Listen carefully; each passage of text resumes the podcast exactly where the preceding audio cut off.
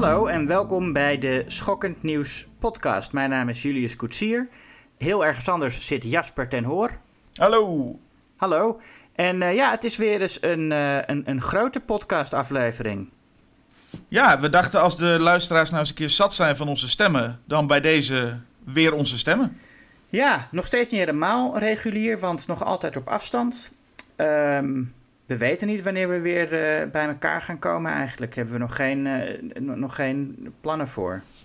Nee, we hebben er bewust voor gekozen om de Schokkend Nieuws podcast, de grote podcast zoals we het wel eens noemen, uh, met gasten. Ja, dat kan gewoon nu wat lastiger. en maar om toch de luisteraar wel twee podcasts per maand te geven, hebben we de Julius versus Jasper maar even doorgezet. Um, maar ja, de mensen zijn misschien wel een keer toe aan ook weer wat nieuwe andere stemmen. En dat uh, gaan we voor deze podcast eens een keertje doen. Even weer langs al die uh, uh, ja, oude bekenden van de podcast. Die even van zich laten horen. Alle columnisten komen straks. Jullie gaan Tim horen en Hedwig en Erik. Ja, en helaas toch ook ons wel. Hè? En, en ons ook, want we moeten ook nog wat andere dingen vertellen over wat we gezien hebben en zo. En nou, laten we daar eens mee beginnen, Jasper. Wat heb jij allemaal zo al uh, gezien, in, zeg maar in de hele periode dat je uh, de, vanaf het begin van de crisis. Iedereen zit maar thuis allemaal dingen te kijken. En iedereen heeft het over dat ze van, de, van de gelegenheid gebruik maken om ontzettend veel films te bingen. Noem je dat zo bij films? Bingen? Ik, de, ik weet niet, ik dacht dat binge alleen was als je een hele... Ja, misschien ook wel trouwens, kan het wel. Ja, ik, het die, ik vind het altijd vervelend als dat soort nieuwe termen meteen aan verandering onderhevig zijn. Want uh, iemand had het laatst over uh, dat je ook boeken kunt bingen. En toen dacht ik, maar dat, dat is toch... Dat, dat, dat is gewoon een boek in één keer uitlezen. Dat, dat gebeurt al heel lang. Maar hij bedoelde meerdere boeken achter elkaar lezen. Maar dat zou ik dan weer geen binge noemen, want als je een tv-serie binge, dan kijk je een heel seizoen in één keer. En dat is equivalent volgens mij bij, aan, aan, het, aan het uitlezen van een boek in één ruk. Je weet dat dit probleem ontstaan is omdat je zelf het woord gebruikt, hè? Ja, sorry. Ik zal het niet meer doen. Ik, uh, nee, film bingen, dat is ook waanzin. Dat kun je... Nee, het, bingen is met series, denk ik.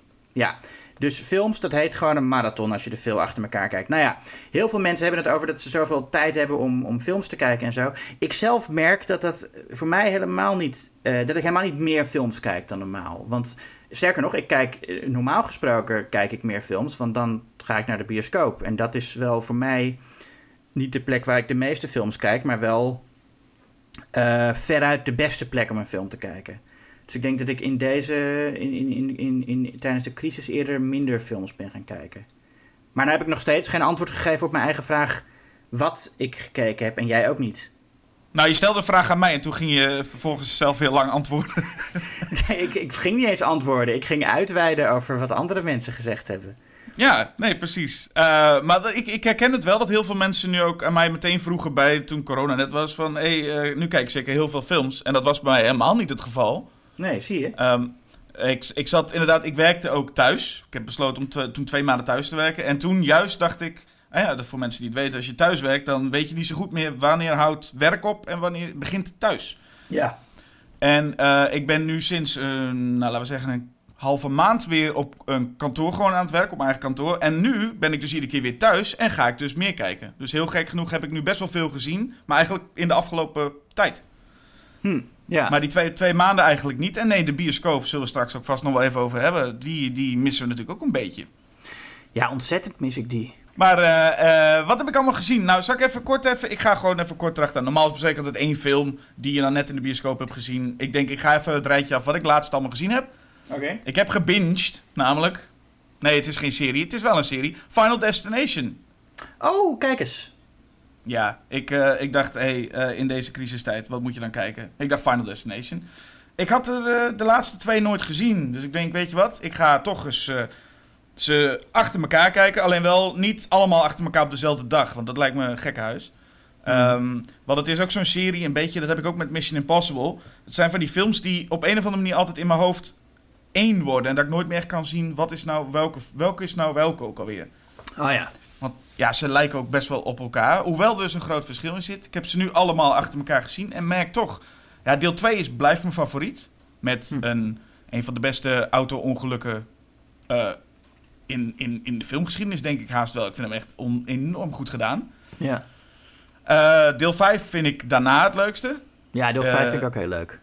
Die is, die is, die is heel erg geestig. Deel 1 is, is nog steeds wel leuk, maar eh, toch iets minder leuk dan ik had gedacht. Hij is ook een stuk serieus. De toon is nog niet helemaal daar, heb ik het gevoel. Nee, Precies. Die eerste is serieuzer van toon. En ook, eh, als ik me het herinner, als ik me goed herinner, was die, hij, die zat ook meer in, in die soort eh tienerhorror golf van de jaren negentig nog. En daarna werd het meer ge- gericht op, op leuke splatter. En, en, en vonden ze zeg maar echt wat nou eigenlijk de kracht van het concept was. Ja, en was het vooral dat ook de humor. En deel 2 en deel 5 hebben dat vooral. Dat is een beetje de, dat de humor goed gemixt wordt met. Ja, spanning kun je het dan net niet noemen, maar. ehm, daar zitten ze goed op het, op het randje. Bij deel 1 is het nog inderdaad wat serieuzer. Dan heb je op een gegeven moment ook de eerste eh, dood. Is ook gewoon een jongen die in de badkamer valt en gewurgd wordt. En dat is heel langzaam wordt het opgebouwd.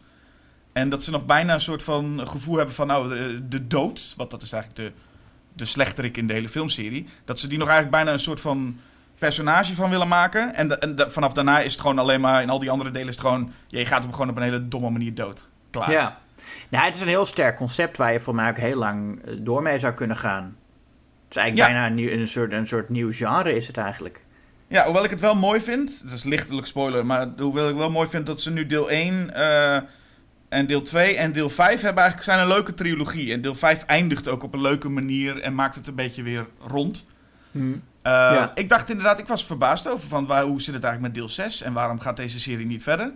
Eh, maar deel, 4, deel 3 en 4 die vallen een beetje buiten. En met name deel 4, dat Hm. was voor mij bijna een soort van Final Destination porn spoof. Want dat is gewoon wel echt, echt heel, heel, heel, heel karig.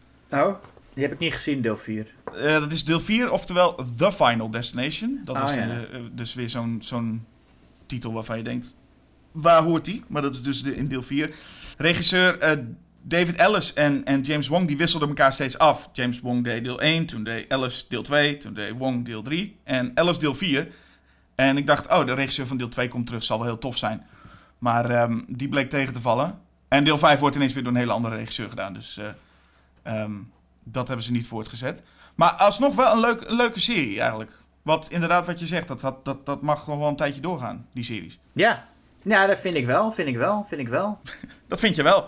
Ja. Sterker nog, ik denk dat Final Destination eh, de beste horror franchise is van de afgelopen, zeker van, van de huidige eeuw, zou ik niks anders kunnen bedenken wat zo leuk is.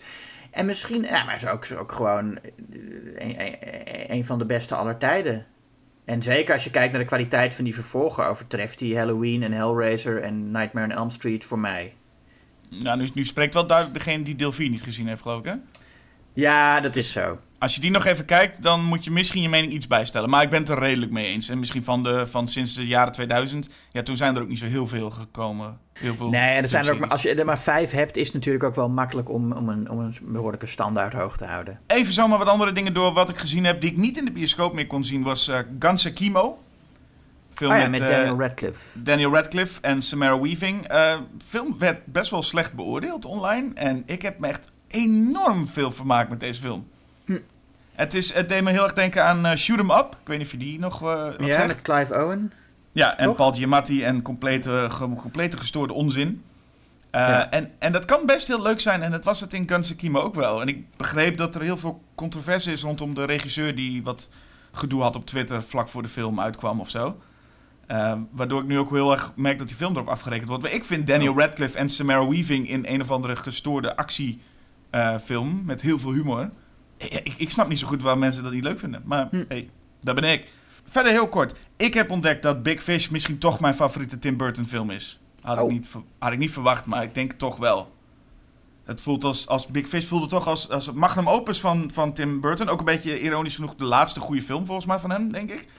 Ehm, ja. ik hou van Sweeney Todd, dat weet je. Oh ja, dat is waar, dat is waar. Maar goed, nou ja, de, de, voor de meeste mensen zijn laatste goede film. Het is in ieder geval het einde van een tijdperk, maar het voelde alsof hij daar alles nog even samengooit. En het Ja. is, het, het is het, ik, ja, ik had verwacht dat ik hem veel minder leuk zou vinden. Ik dacht, ah, die is in mijn herinnering gewoon leuk, maar meer niet. Maar misschien stiekem vind ik hem nog wel gewoon zijn beste. Ik werd er heel erg blij van. Waar ik ook heel blij van werd, ik ga even van schokkend nieuws stap ik af. Eh, ik ben verliefd geworden op twee films die niks met schokkend nieuws te maken hebben. En wat ik ook compleet niet zag aankomen. Paddington en Paddington 2. Ach ja, die zijn leuk. En, en, en ja, en vooral Paddington 2, ik heb echt, ik, ik, ik heb alleen maar gewoon anderhalf uur naar, verliefd naar het beeld zitten staren. En ik dacht, oh shit, dit is, zal ik het een perfecte film noemen? Ik ga het een perfecte film noemen. Wat, wat heb ik genoten van Paddington 2? Ja, nee, dat is inderdaad. eh, Ik vond deel 1 ook al behoorlijk eh neigen naar perfectie hoor. Het zijn echt twee. En ook zeker. eh, eh, ja, alles aan die films is goed. Maar ook de actiechoreografie. Ehm, dat is een film die eigenlijk, als we bij de Oscars een categorie zouden hebben voor beste stunts, wat ze zouden moeten doen.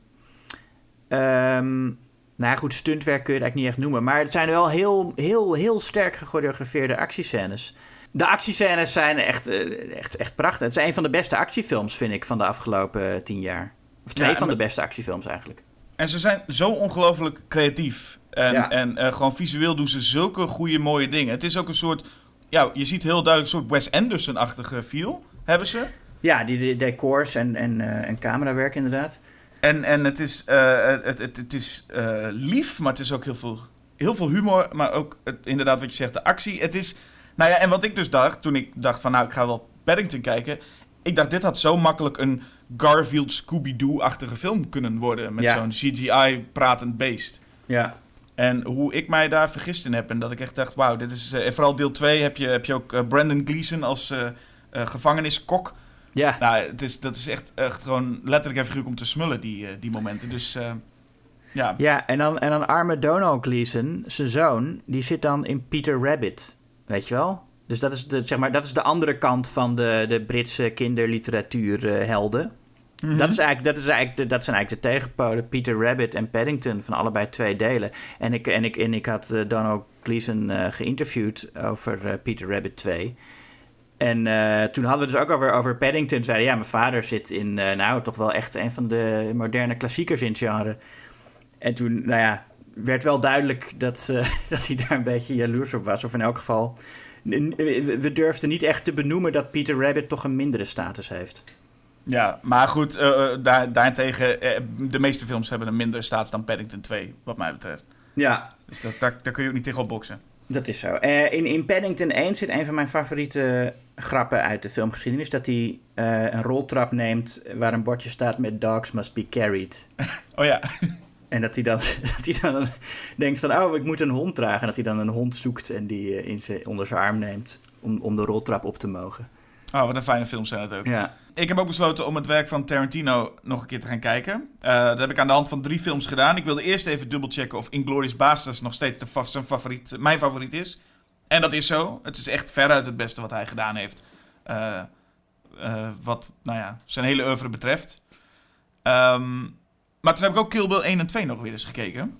ja. En daarvan had ik altijd in mijn hoofd dat Kill Bill 1 heel leuk was, vol met actie. Deel 2 heel saai was, veel gelul. Ehm, dat, dat laatste klopt ook nog steeds trouwens. Maar Oh ik, ja? merkte, ik merkte wel dat ik... Dat eigenlijk het middenstuk van Kill Bill Volume 2 het beste is van beide films. Die training bedoel je? Nou ja, eigenlijk de gehele deel van dat ze begraven wordt, de training... en ook het hele Oh ja. stuk met Michael Madsen en Daryl Hannah in die, eh, in de, in die, in die camper. Ja. Ja, dat, dat is op een of andere manier het, het beste. Want ik vond Kill Bill 1 toch ook eigenlijk wel wat aan de saaie kant soms. Dat ik dacht, oh, dat had ik Hm. niet verwacht. En soms, Oh ja? ja, Tarantino is nou eenmaal voor mij... Voor mij is Tarantino iemand die gewoon iets te, te lang zijn scènes altijd laat duren. En dat vond ik dus het sterke aan Glorious Basis. Daarvan had ik het gevoel, elke scène duurt precies zo lang als die moet zijn. Maar bij Kill Bill heb ik gewoon het idee, ah ja, hij gaat lekker los en dat gaat hij iets te veel. Ja, ik vind Kill Bill 1 en 2 zou je eigenlijk ehm, misschien wel. En dat, is, dat gaat een beetje voorbij aan het hele punt van die films. Maar ik, ik, ik vermoed dat ze sterker zouden kunnen zijn als je er één film van maakt. Want laten we even duidelijk zijn: het zijn gewoon twee films. Tarantino zegt dat het één film is. Nou, ik heb twee kaartjes gekocht voor die film, dus het zijn er twee. Ehm, maar ik, ik, ik denk dat die beter zou zijn als één film als je er aardig wat uit zou knippen. Ik vind die hele anime-sequentie in deel 1 zou eruit kunnen. Aan het einde van deel 2 heb je dat stuk dat ze die Poyer bezoekt die een vaderfiguur voor Bill was. Ja, die Dat, ook eh, compleet, ook. dat is Michael Parks, die, die compleet niet overtuigd wordt neergezet als een honderdjarige of zoiets dergelijks. Ja, dat zou er ook best uit kunnen.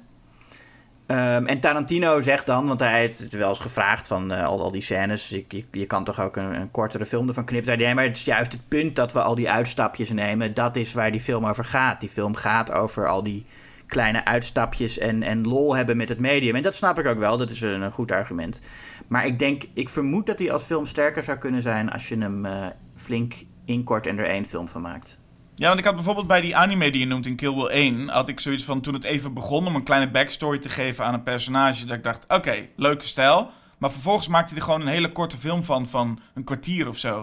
En toen dacht ik, nou, weet je, geef gewoon even in, in, een, in, een, in een minuut of twee, dan, dan is het een leuke stijl. Nu is het gewoon, oké, ik ga nu ook even een korte film van, van 15 minuten regisseren als anime.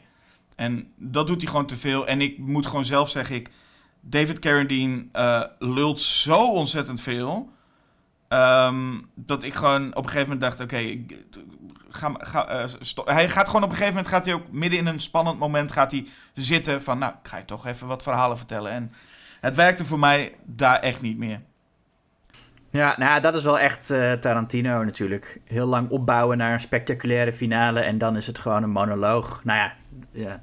Ja, en ik kan op zich, uh, ik bedoel, dat is dus de vraag van, ik weet dat Tarantino graag lange scènes maakt die lange scènes zitten ook in Inglourious Basterds en werken voor mij wel heel goed. Ik vind het in Inglourious Basterds een stuk beter werken inderdaad. Hij uh, is altijd, eh, Tarantino is altijd bezig met de spanning zo lang mogelijk rekken. En in Inglourious Basterds vind ik dat goed werken, in Django Unchained ook.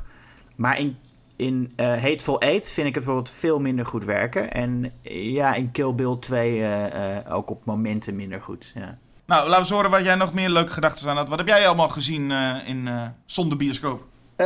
Ja, nou, eens even zien. Nou ja, gerelateerd aan de crisis was het toneelstuk van Frankenstein. Dat de National Theatre in Londen had hun Frankenstein toneelstuk uit 2011 gratis op YouTube gezet.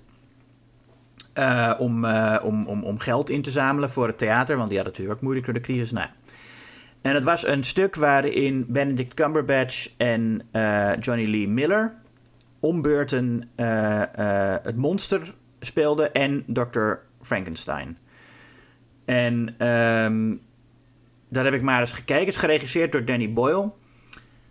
En ik moet zeggen, het, ik, ik, het, het, het viel me toch. Nou ja, ik, had, ik, weet niet wat, ik weet niet goed wat ik ervan had verwacht. Maar het was gewoon best wel een trouwe bewerking van het boek. En ik heb zo'n beetje tussen de twee versies heen en weer gekeken. Uh, uh, ik vind dat Johnny Lee Miller uh, zowel een beter monster als een betere dokter Frankenstein is. En later zou hij ook nog een betere Sherlock spelen dan Benedict Cumberbatch. Dus hij overtreft hem wat betreft klassieke personages uit de populaire Britse literatuur op, op alle vlakken. Cumberbatch speelt het monster een beetje als een soort verstandelijk beperkt persoon. Wat aan de ene kant eh, ongemakkelijk is. En aan de andere kant. Het is ook helemaal niet eng of zo. De, de, maar goed, en Johnny Lee Miller speelt hem ook een beetje zo. Maar Benedict Cumberbatch maakt wel heel duidelijk dat daar de inspiratie vandaan komt. En ik vind het zo jammer dat het monster sowieso in moderne bewerkingen nooit echt eng is. Je moet een soort balans vinden tussen, ja, hij is sympathiek en of in elk geval heb je empathie met hem. Als je geen sympathie met hem hebt, dan tenminste empathie. Maar hij moet ook gewoon een monster zijn.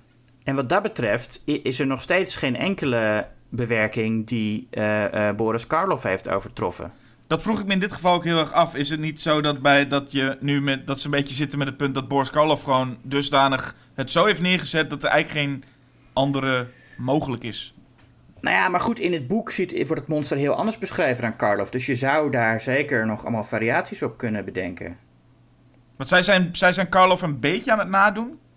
Nee, helemaal niet. Nee, ze maken echt een soort moderne uh, versie ervan. Ze zien er ook, ze hebben ook weer het, het hele gedoe dat het allemaal uh, uh, eruit moet zien als iemand die echt geopereerd is. En net zoals Robert De Niro in, um, in, in, in, in, de, in de Kenneth Branagh versie. Maar ja, nee, ik, ik, ik, ik, vond het monster bijna... Ja, het, was, het is wel knap gespeeld, fysiek ook. Het is een heel fysieke rol natuurlijk. En die, die motoriek, daar is over nagedacht. Maar ik vond het toch Uh, een beetje tegenvallen. Ja, maar dat is wel jammer dat het ding wat je nu gezien hebt... Heb je, heb je ook een Paddington 2-achtig iets gehad waarbij je iets gezien hebt en de, waar je wel heel blij van werd? Oh, ik heb heel veel gezien waar ik blij van werd. Ik, ik, ik, ik pak even... Uh, oh ja, dat is uh, misschien ook een leuke tip voor mensen. Als je nog eens... Als je houdt van, van, van brute, lompe actiefilms... moet je even op Netflix Jesse V. Johnson opzoeken. En daar staat Triple Threat en The Dead Collector en Mad Dog. Maar welke ik gezien heb is Avengement... Met, met Scott Atkins. En ik vind het al zo'n heerlijke titel, Avengement. Weet je, echt zo van, oké, er zijn al films die Revenge heten en Vengeance. Wat, wat kunnen we nog meer verzinnen? Nou, Avengement. Uh, het gaat gewoon over een, over een man die wraak neemt op de criminelen waarvoor hij ooit een klusje gedaan heeft. Super eenvoudig, maar heel lomp. Scott Atkins is een heel leuke actiester. Het is een beetje, ja, vroeger zouden dat soort films dan straight to video gaan.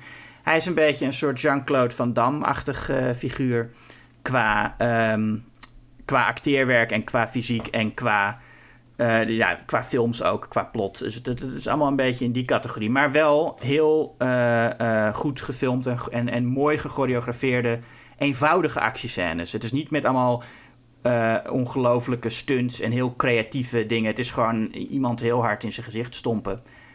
Maar dan wel mooi gefilmd.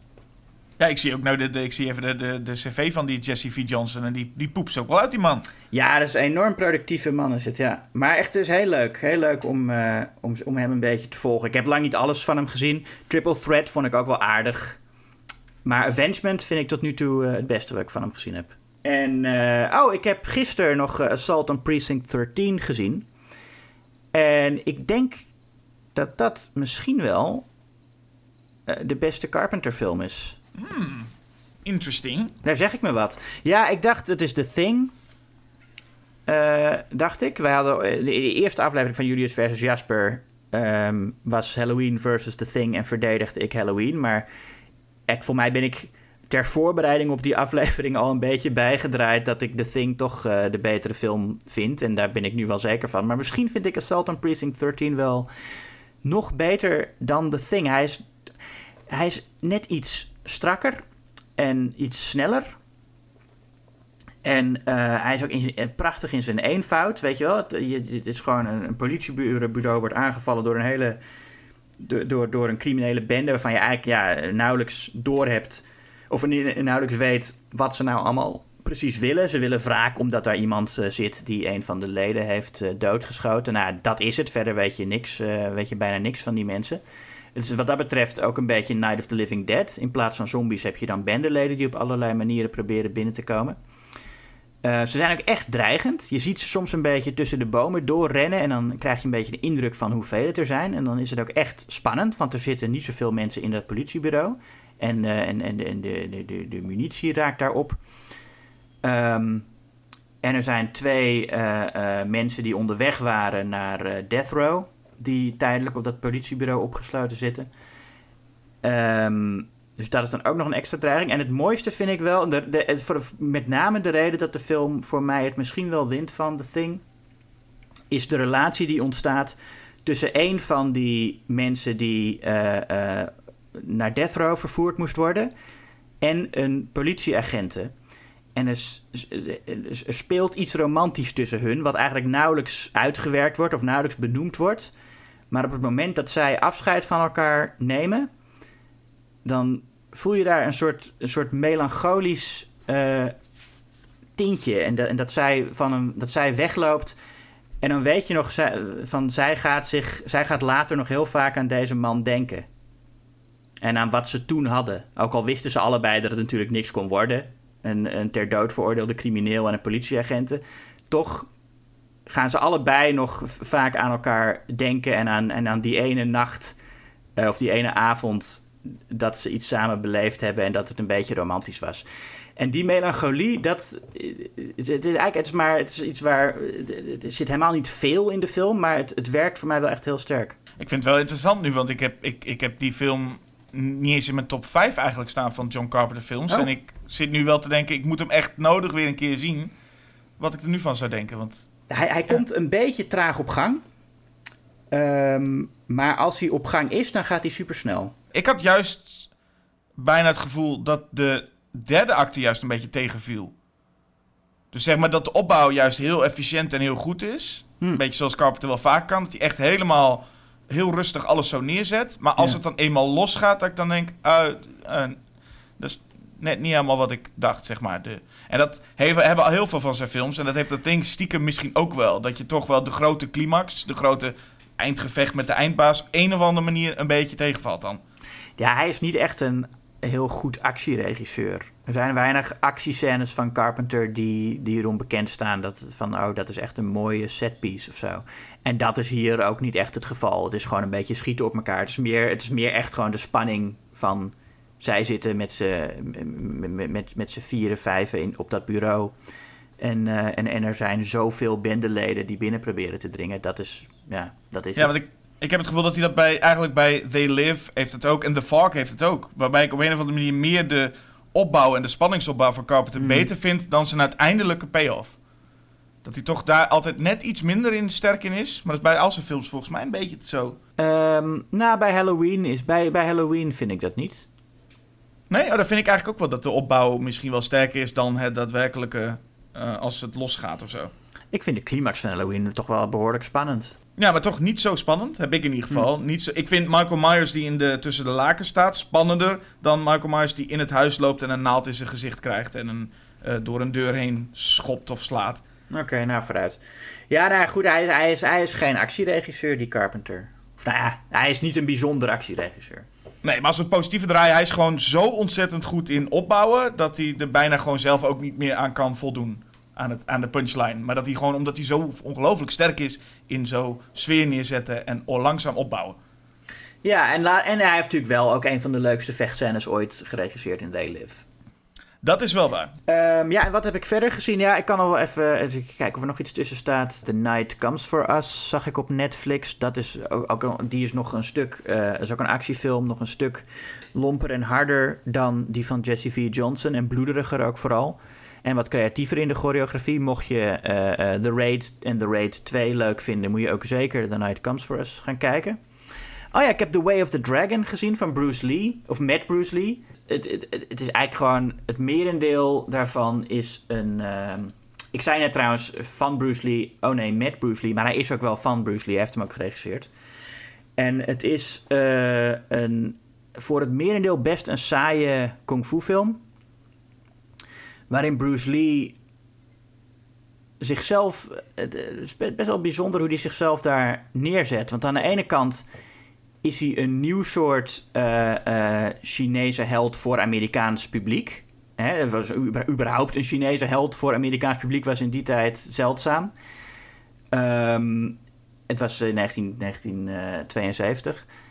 En zijn, zijn presentatie van Chinese masculiniteit is iets wat in die tijd in, in Amerika uh, nauwelijks voorkwam. Of, of misschien wel helemaal niet. Hè. De Chinezen werden doorgaans toch een beetje als Fu Manchu-achtige schurken neergezet. Dan wel als seksloze losers.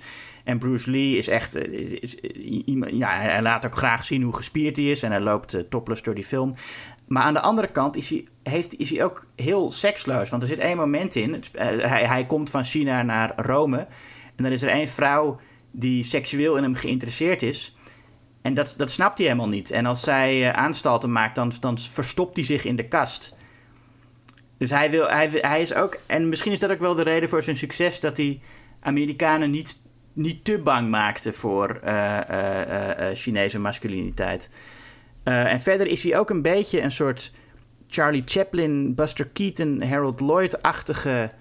Uh, buitenstaander. Want hij komt dus vanuit China naar Rome. En dan het begint ermee, dan zit hij in een restaurant. En dan weet hij niet wat hij moet bestellen. En dan krijg je een soort uh, rare komische scènes die allemaal niet heel goed werken. Je ziet ook echt dat Bruce Lee een beginnend regisseur was. Die uh, niet zo goed wist hoe je, hoe je een, een scène in een restaurant in elkaar zet. Je ziet ook helemaal, hij zit in het restaurant te eten. En dan moet je helemaal laten zien hoe hij de serveerster betaalt. En dan de, reken, weet je, de rekening krijgt hij de serveerster betaalt en dan loopt hij weg waarvan je nu, de, ja, de, de, knipt dat eruit, weet je wel. Je ziet, je ziet daar wel een beetje die onervarenheid.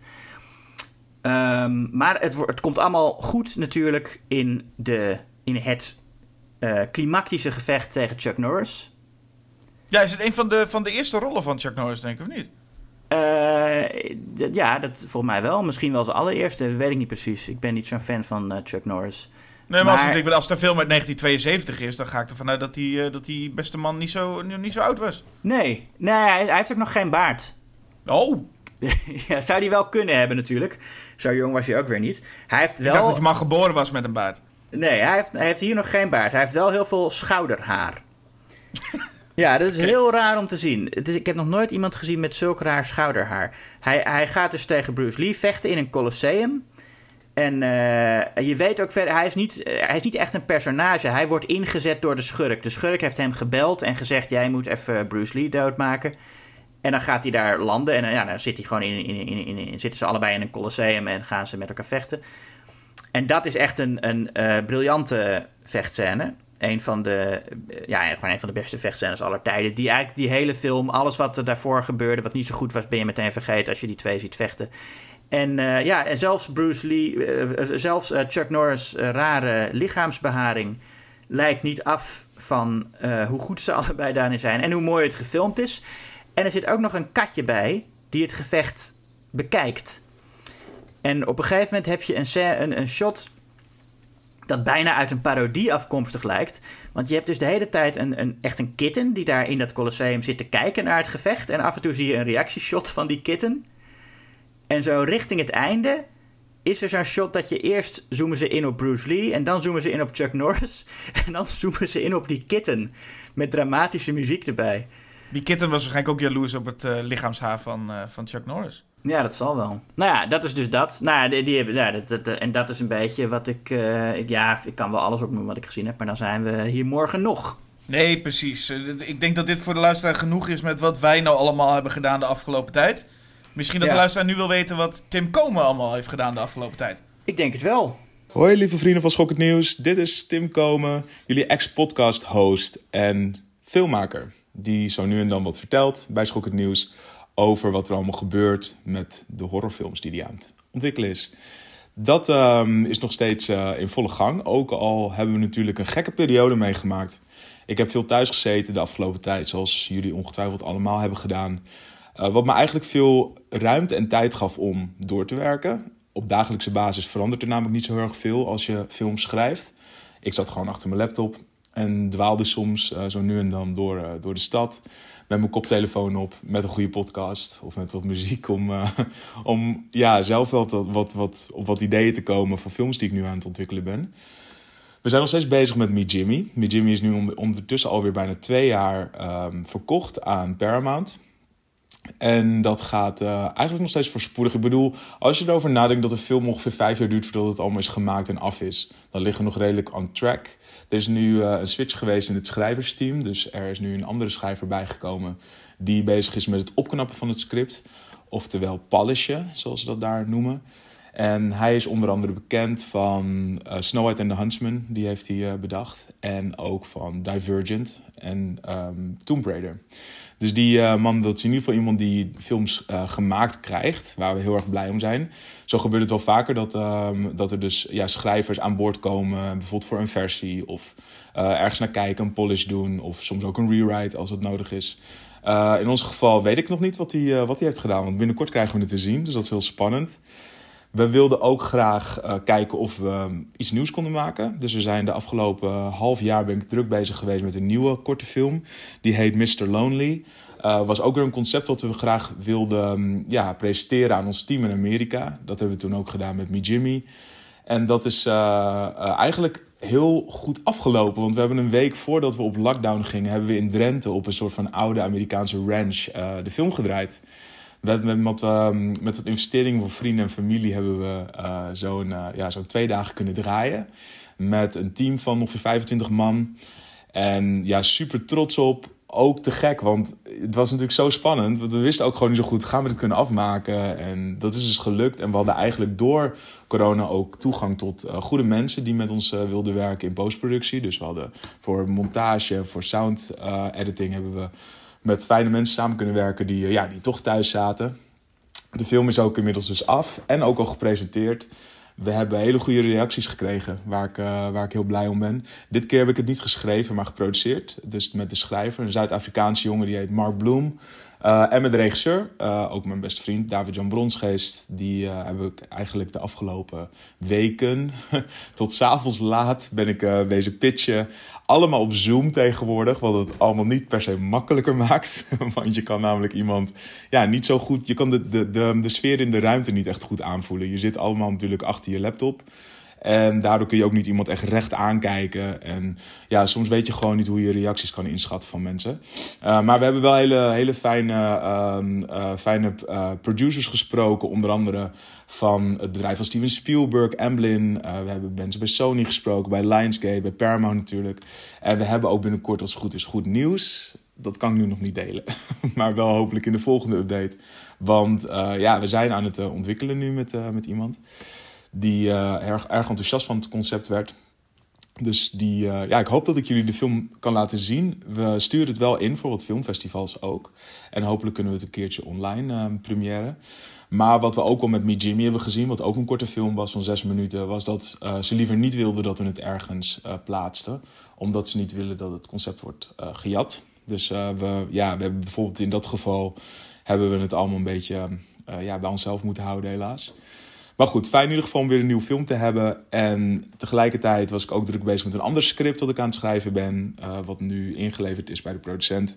Dus op zich is het wel goed gekomen met alle. Uh, ja, met de, met de lockdown. Omdat je ja, op dagelijkse basis dus toch niet zo heel erg veel heeft, is veranderd.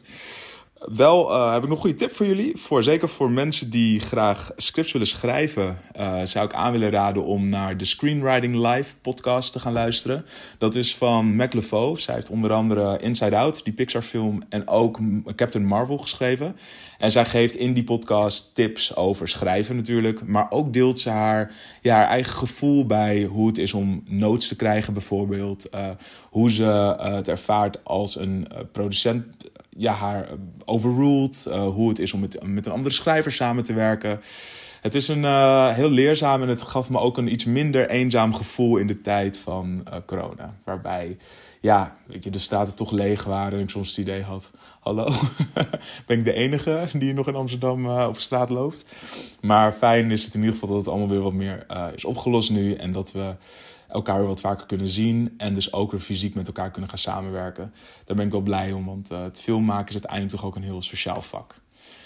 Ik hoop uh, dat jullie dit allemaal goed gaat met jullie in ieder geval. En dat ik jullie weer snel spreek. Dus tot de volgende update. Tot de volgende Schokkend Nieuws. Doeg! Dankjewel, Tim. Maar uh, Julius, wat moeten we nou doen nu we geen bioscoop hebben? Ja, niks. Nou, goed. Dan gaan we nu luisteren naar Hedwig nou ja, wat, wat kun je zonder bioscoop? Nou, ik had het net al over dat ik bioscoop wel echt de beste uh, plek vind voor films. En dat is nou, deels natuurlijk om, vanwege hoe het eruit ziet daar, of vanwege hoe, hoe een film er in de bioscoop uitziet en klinkt. En het feit dat je in een, in een bioscoop ook echt op de film geconcentreerd moet zijn. Je, je, je kunt je niet laten afleiden door dingen als ik thuis een film kijk, heb ik heel vaak dat ik denk van. Uh, of dat ik een acteur ergens van herken en, en, even op wil zoeken wie het is. Of dat ze iets, een of ander feitje noemen en dat ik denk van. Oh, maar hoe zit dat? Uh, is, is dat echt wel zo wat, die, wat je nou beweert? En dan kom ik toch in de verleiding om de film te pauzeren en dat even op te zoeken. En ja, in, in een bioscoop kan dat gewoon niet. Dat maakt het al fijn dat je echt helemaal met je concentratie bij die film moet zijn. Ik ben ook iemand die heel snel afgeleid raakt. Um, en ik vind zelfs het feit dat je er naartoe moet, wat heel veel mensen zeggen van, oh, maar dat is toch juist lekker aan thuiskijken, dat je niet de deur uit hoeft en door de regen hoeft te fietsen. Ik vind dat, ja, tenzij het echt heel hard regent, gewoon ook echt bij de ervaring horen dat je erop uitgaat. Dat je ook een beetje moet, aan je kleding moet denken. Dat je een beetje moet denken van, hoe ga ik mezelf presenteren naar de buitenwereld vandaag? Ja. Ja, nee, vind ik echt. Ik, als, als ik thuis zit, dan denk ik, nou, dan denk ik daar, of dan, sterker nog, dan draag ik expres mijn lelijkste kleren, omdat ik weet dat ik toch de deur niet uitga en, die en, en, en de mooie kleren voor, voor, voor, een gelegenheid wil bewaren, dat ik wel de deur uitga. Maar ja, je mooie kleding, je zit natuurlijk wel gewoon helemaal in donker, hè? Nee, maar, nee, maar, nee, maar dat je, je gaat er naartoe, je hebt een uitje, je moet dat kaartje halen bij de kassa, je moet een beetje door de stad fietsen. Uh, zelfs het kiezen van de bioscoop is voor mij wel een, een, een, een dingetje, want ik heb er meerdere op, op, hier in de buurt.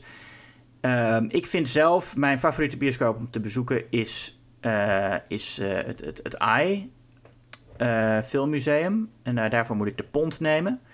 En als ik daar binnen loop, dan is, dan, dan is de geur en, het, en hoe het er daar binnen uitziet. Ja, ik vind het niet heel mooi. het is heel wit en, en clean en klinisch.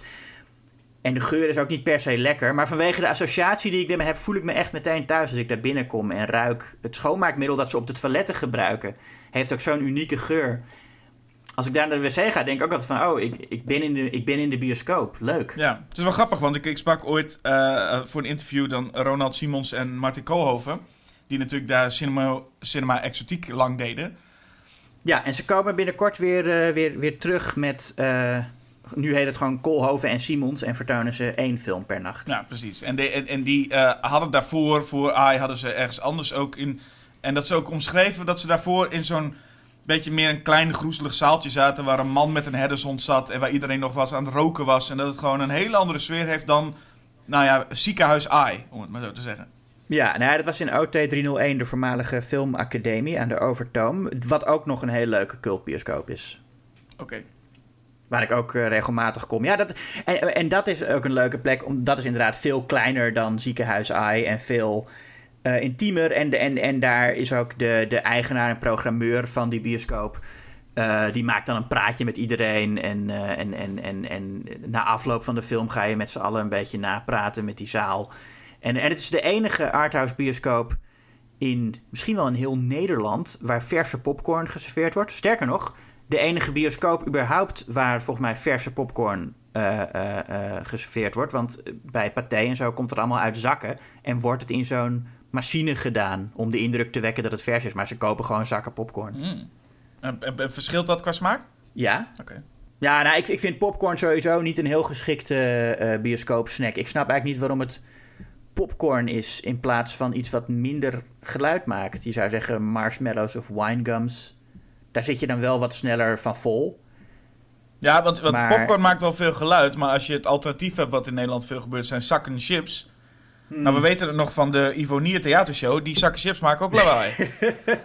ja, zeker. Het openscheuren. Dat, dat vind ik nog wel het ergste. Als mensen zo aan, aan het knoeien zijn met een zak chips om open te scheuren. Ja, het zijn sowieso die geluiden. Hè? Het zijn de, de, de, de flesjes bier met beugels, de, de, de blikjes. De... Ja, oh, dat gepop. Het gepop dat je dan hoort. Ja, dat wordt, uh, dat, er zijn veel geluiden. Maar goed, voordat we nu gaan naar een... Wat frustreert ons eigenlijk aan de bioscoop? Nou, nee, nee, nee, nee, wacht even. Want het frustreert me dus niet altijd. Dat wil ik wel zeggen. Je hebt ook mensen die echt meteen gaan zeuren als ze ook maar een beetje geluid horen. En dat vind ik ook weer overdreven, want het, is, ja, het blijft gewoon een sociale aangelegenheid, die bioscoop. Je zit daar met z'n allen, je reageert met z'n allen op de film. Ik vind geluiden die echt reacties zijn op de film ja, kunnen tot op zekere hoogte sowieso. Hè, als je een horrorfilm kijkt en je hoort mensen schrikken, daar erger ik me nooit aan. Ja, en, en, en comedy, en dat is natuurlijk nu, nu ook sprake van de theaters, die mogen ook, uh, mogen, zijn weer open of mogen weer open, maar met 30 man. Een comedy met heel veel gelach werkt ook beter. Ja, zeker. Ja, een van mijn favoriete filmervaringen, en nu ga ik een beetje afwijken van Schokkend Nieuws, was toen ik Charlie Chaplin's Modern Times zag in AI. In een zaal met um, echt, eh, qua leeftijd de meest diverse filmzaal waar ik ooit in gezeten heb. Met uh, kinderen van zeven en, en mensen van tachtig. En iedereen had dezelfde reactie op die film. Uh, ik heb nog nooit. Ik heb best wel veel uh, kinderfilms bezocht om te recenseren. Waar andere recensenten dan ook hun kinderen mee mochten nemen. Of, of, uh, of niet per se recensenten, maar gewoon waar ook andere mensen met kinderen aanwezig waren. En ik heb nog nooit kinderen zo hard horen lachen om een comedy als om Modern Times.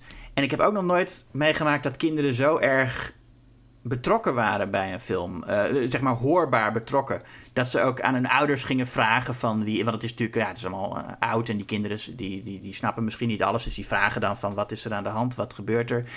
Daar heb ik ook absoluut geen moeite mee dat, dat kinderen dat soort vragen stellen. Nee, wel grappig dat je het ook noemt. Je noemt nu de, de, de uh, recensievertoningen.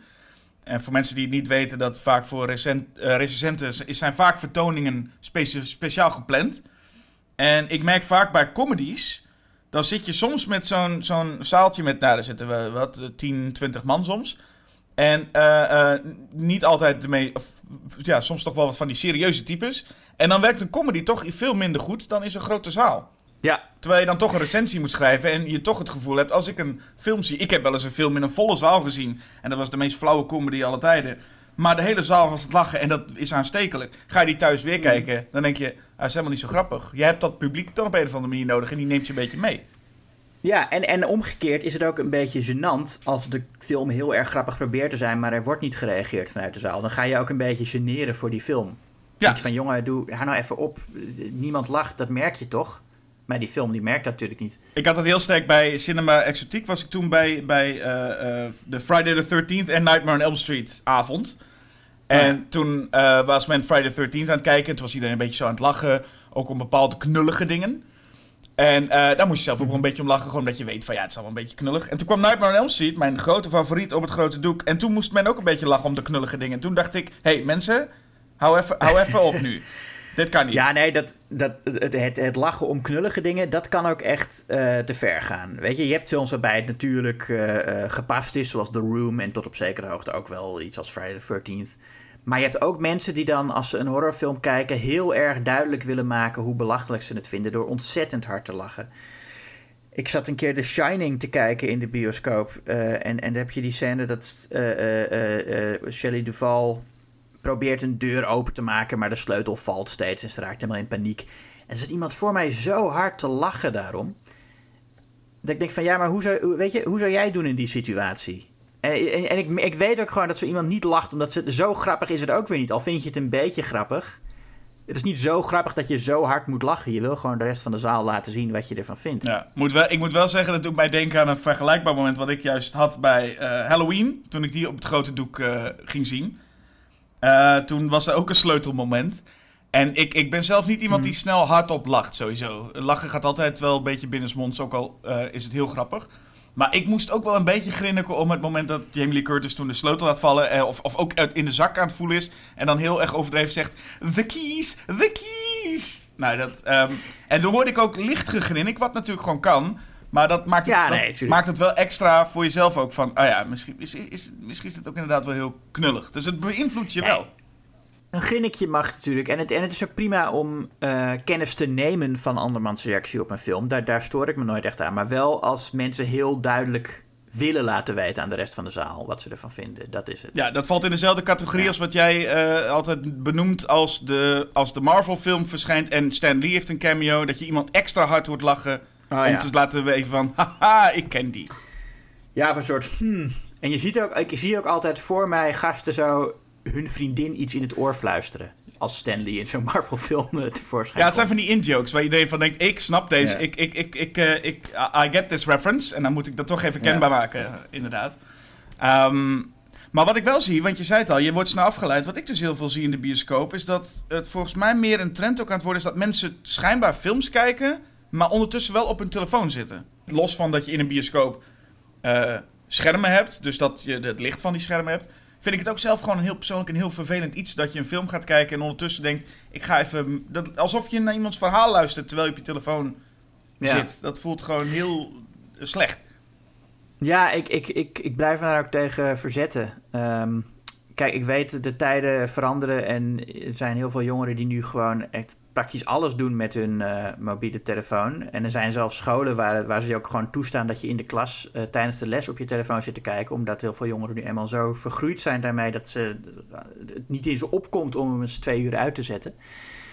Ik, ik, ik blijf me daartegen verzetten. Ik vind ook, ja, het, het, het voelt ook lekker om je telefoon uit te hebben en onbereikbaar te zijn. En dan, als je eruit komt, weer aan te zetten. Een, film is een beetje ontsnappen uit het dagelijks leven. En juist daarom is die bioscoopervaring ook zo belangrijk. Ja, hoe vaak heb je niet dat je een, op, een, op, een, op een zonnige middag ga je naar de bioscoop. Je zit twee uur lang in zo'n film. Je komt naar buiten en je, je komt echt in een, in een wereld dat je denkt... Wow, is het, is het, dan komt die zon komt je ineens tegemoet. Je bent echt even twee, we- twee uur weg geweest. Maar ik ga ook vaak gewoon, nou, juist ochtends en dergelijke. Gewoon om juist bijna een soort privé-screening te hebben. Ja, Eh. ik ga ook, ik ga ook het, eh, eigenlijk, nou, het is leuk om met meerdere mensen naar de film te gaan. Ehm, en dan af- achteraf na, na te kunnen praten. Dat is, dat is de reden dat ik, het, eh, dat, dat ik dan met een groepje naar de film wil. Maar ik vind het ook heerlijk om alleen te gaan. Ja, want uiteindelijk gaat het natuurlijk deels om... Uh, men zegt wel van het is een heel leuk uitje. Ik zelf heb dat iets minder, omdat ik denk... Het gaat mij dan iets meer om de film en niet om het uitje. Ja. Uh, maar dat zou hetzelfde zijn als dat je mensen hebt die gaan naar het casino om een leuk uitje en gewoon gezellig. En je hebt mensen die gaan er om flink geld te winnen. uh, ik zou gewoon... Of te verliezen. Of te, ja, daar gaan ze er niet, waarschijnlijk niet voor naartoe. Um, maar ik, ik zou in ieder geval wel zeggen dat, dat het vooral natuurlijk ook het grote scherm is. Maar de bioscopen zijn een tijdje bang geweest. En dat is, volgens mij zijn de bioscopen vaker bang. Uh, van, gaan mensen nog wel naartoe? Dat was natuurlijk toen de, volgens mij toen de videoband voor het eerst kwam, was, waren de bioscopen bang van wie gaat nog naar ons toe. Want nu hebben ze, het op, nu hebben ze hun film kunnen ze zelfs bezitten. Uh, Daarna kwam het, nou ja, wat we nu nog steeds, nog steeds een beetje hebben. De televisies worden groter. Mensen krijgen zo'n home cinema set thuis. Dus bioscopen hebben steeds een moment om echt bang te zijn van... gaan mensen nog wel naar ons toe? Nou, die angst is nu natuurlijk nog iets realistischer geworden... Uh, door het uh, COVID-19. Ja. Maar de bioscopen hebben destijds altijd overleefd. Dus dat... Ja, en ik, ik denk ook dat dat nog wel doorgaat hoor. Want ze zijn, ja, kijk, ik, niet iedereen is zoals ik, dat weet ik. Ik keek heel erg uit naar The Wild Goose Lake in de bioscoop. En toen was net begon de crisis. En uh, uh, is die na een, na een paar weken, geloof ik, al uh, online verschenen op, streaming, op streamingdienst. Maar ik heb hem nog steeds niet gezien, omdat dat echt een film is die ik in de bioscoop wil zien. Er zijn films, kijk, er zijn heel veel films die ik graag op uh, gewoon thuis kijk. Maar er zijn ook echt films die ik heel graag in de bioscoop zie en die ik daar ook voor wil bewaren. En ik heb het idee dat The Wild Goose Lake er zo één is, hoewel de kans klein is dat hij nog een keer gaat draaien en ik hem uiteindelijk toch wel thuis uh, zal bekijken. Wilde ik toch even wachten tot de bioscopen weer open gingen om te kijken van wat gaan ze doen. Um, ik vind het best jammer dat er heel veel op stream is, uh, is, is gezet. Ik snap, ik snap natuurlijk waarom het mogelijk is. Maar ik had ook heel graag nog een keer The Invisible Man in, uh, in, in, uh, in de bios gezien. Want die heb ik dus ook op een persvoorstelling gekeken. Wel in de, in de IMAX-zaal, in, in, in nou maakt niet uit waar het is, maar in een partijbioscoop. Maar dus wel bij een persvoorstelling waar je toch met allemaal critici zit... die meestal niet zo luidruchtig op films reageren. En ik vind The Invisible Man, leek me nou echt een film die uh, het grote publiek op de juiste momenten stil krijgt en ook op de juiste momenten aan het gillen krijgt. Dus die leek me heel leuk om met een uh, zaal te zien. En nou kan dat gewoon niet meer, Jasper. nee, heftig hè? Nee, ja, nou, dat vind ik echt jammer. Volgens mij, volgens mij draait hij letterlijk nu nog, toch? Oh ja? Ja, want we doen nu wel alsof we de bioscoop zeggen van we missen het zo. We kunnen technisch gezien wel weer heen. Ja, ik wil nog niet. Ik wacht nog even een paar. Ik wacht nog. Nou ja, ik, er zijn dingen die ik heel graag wil zien, die tijdelijk draaien. Uh, Do the Right Thing zou ik graag weer willen zien. Uh, en ik zit een beetje te twijfelen eraan van ja. Ja, maar ik, ga, ik geef je vast even het, het goede nieuws. De Invisible Man draait volledig in de bioscopen op dit moment. Oké, okay, maar dan, ja, maar goed, je wil hem graag met een volle zaal zien. En dat, ja, en dat kan niet meer. Nee. Nee, dat is waar. En dat is een beetje het grote, grote ding van nu. Um, even nog, ik wil nog even terug naar die reacties. Je zegt al, die reacties, hè, leuk als mensen lachen, leuk als mensen uh, schrikken. Ik, ik zie mhm. altijd uh, Amerikaanse tafereelen voor me toe, dat mensen applaudisseren. En dat heb ik in Nederland eigenlijk nog bijna nooit gezien. En ik snap ook wel dat je applaudisseert als er een maker aan, uh, aanwezig is. Maar je hoort echt, je ziet heel veel van die reactievideo's. Mensen die volledig uit hun plaat gaan bij elk, nou ja, en bijna applaudisseren bij elke, elke scène. Daar kan je er bijna niks van mee, heb ik het gevoel. Dat zijn wat voor Een uitzondering is bijvoorbeeld uh, The, uh, The Room. Daar ga je naartoe en dan hebben mensen zo'n heel, yeah. heel lijstje met wat je allemaal moet doen. En dan moet je juist schreeuwen naar, naar, de, naar het scherm. Oké, okay, ik, ik, dat, dat kan. Ik, ik heb het altijd het idee dat het Amerikaanse publiek altijd veel luidruchtiger is. Ja, nee, zeker. Ja, het enige wat daar in Nederland uh, bij in de buurt is gekomen, wat, wat ik heb meegemaakt althans, uh, behalve dan de midnight screenings. Dat, dat, dat is de Night of Terror, die vroeger uh, een deel uitmaakte van het Imagine Filmfestival. Uh, heb ik daar ben ik een paar keer naartoe geweest in uh, Tuschinski. En het is dan een nacht met vier horrorfilms achter elkaar. En daar schreeuwt en iedereen roept er van alles doorheen. En er worden grappen gemaakt naar het scherm. En er wordt gescholden en er wordt gejuicht en geklapt en boel geroepen. En dat was altijd wel heel leuk, dat onderdeel ervan. Um, het is uiteindelijk opgehouden omdat er ook heel veel racistische en homofobe en seksistische opmerkingen gemaakt werden. En dat heeft tot een aantal controversies geleid. Ook met mensen die, die daar niet als bezoeker aanwezig waren, maar dat wel allemaal hoorden. Ehm, en toen is het uiteindelijk is het opgehouden. Wat heel uh, jammer is, vooral van, van die mensen die maar niet wilden ophouden met racistische dingen roepen. Ik, en die gaan dan wel klagen van, oh, er mag ook niks meer en, uh, en het is het allemaal op en uh, waar is Night of Terror? Nou ja, je, je, kan ook gewoon geen racistische opmerking maken en wel alle dingen roepen die je wil. Dus, weet je wel, je, je, hoeft, toch, het, je hoeft toch niet per se uh, racistische, homofobe onzin te verkondigen. Maar waren dat niet op een gegeven moment een soort van ongeschreven regels zoals je bij The Room ook hebt? Als, als dit in beeld komt, roep je dit. Als dit in beeld komt, roep je dat? Ja, nee, tuurlijk. En er werd er homo geroepen en hoer geroepen. Maar ja, ik, ja weet je, dat, volgens mij is dat helemaal niet de essentie van die ervaring. Het is, het is dan traditie en daarom willen mensen dat doen. Het is traditie dat je homo en hoer roept, maar het is, het is echt niet essentieel aan de ervaring van met z'n allen lachen om een, om een splatterfilm. Nee, nee, en ik denk dat dat, ja, daar zal het grote verschil in zitten. Bij The Room is het bijvoorbeeld, ik zou niemand aanraden om The Room voor het eerst te gaan zien bij zo'n screening in de bioscoop. Oh, zeker niet, nee. Um, maar ik kan me best voorstellen dat zo'n film is echt niet een film die, voor de meesten in ieder geval, um, heel erg geestig is als je in je eentje The Room zit te kijken. Um, dus dan is het met een groot publiek wel leuk. Maar ik heb vooral het idee, daar was het, je kreeg plastic ballen en, en lepels. En dan moest je gaan gooien met dingen. En het is gewoon voor mensen een beetje een, een soort uitje van wat gebeurt me nu. Ik mag dat nooit. Dan mag je ineens gaan gooien met dingen. ja. ja, nee, The Room kun je... Dat is wel een film waarvan ik zeg, die kun je...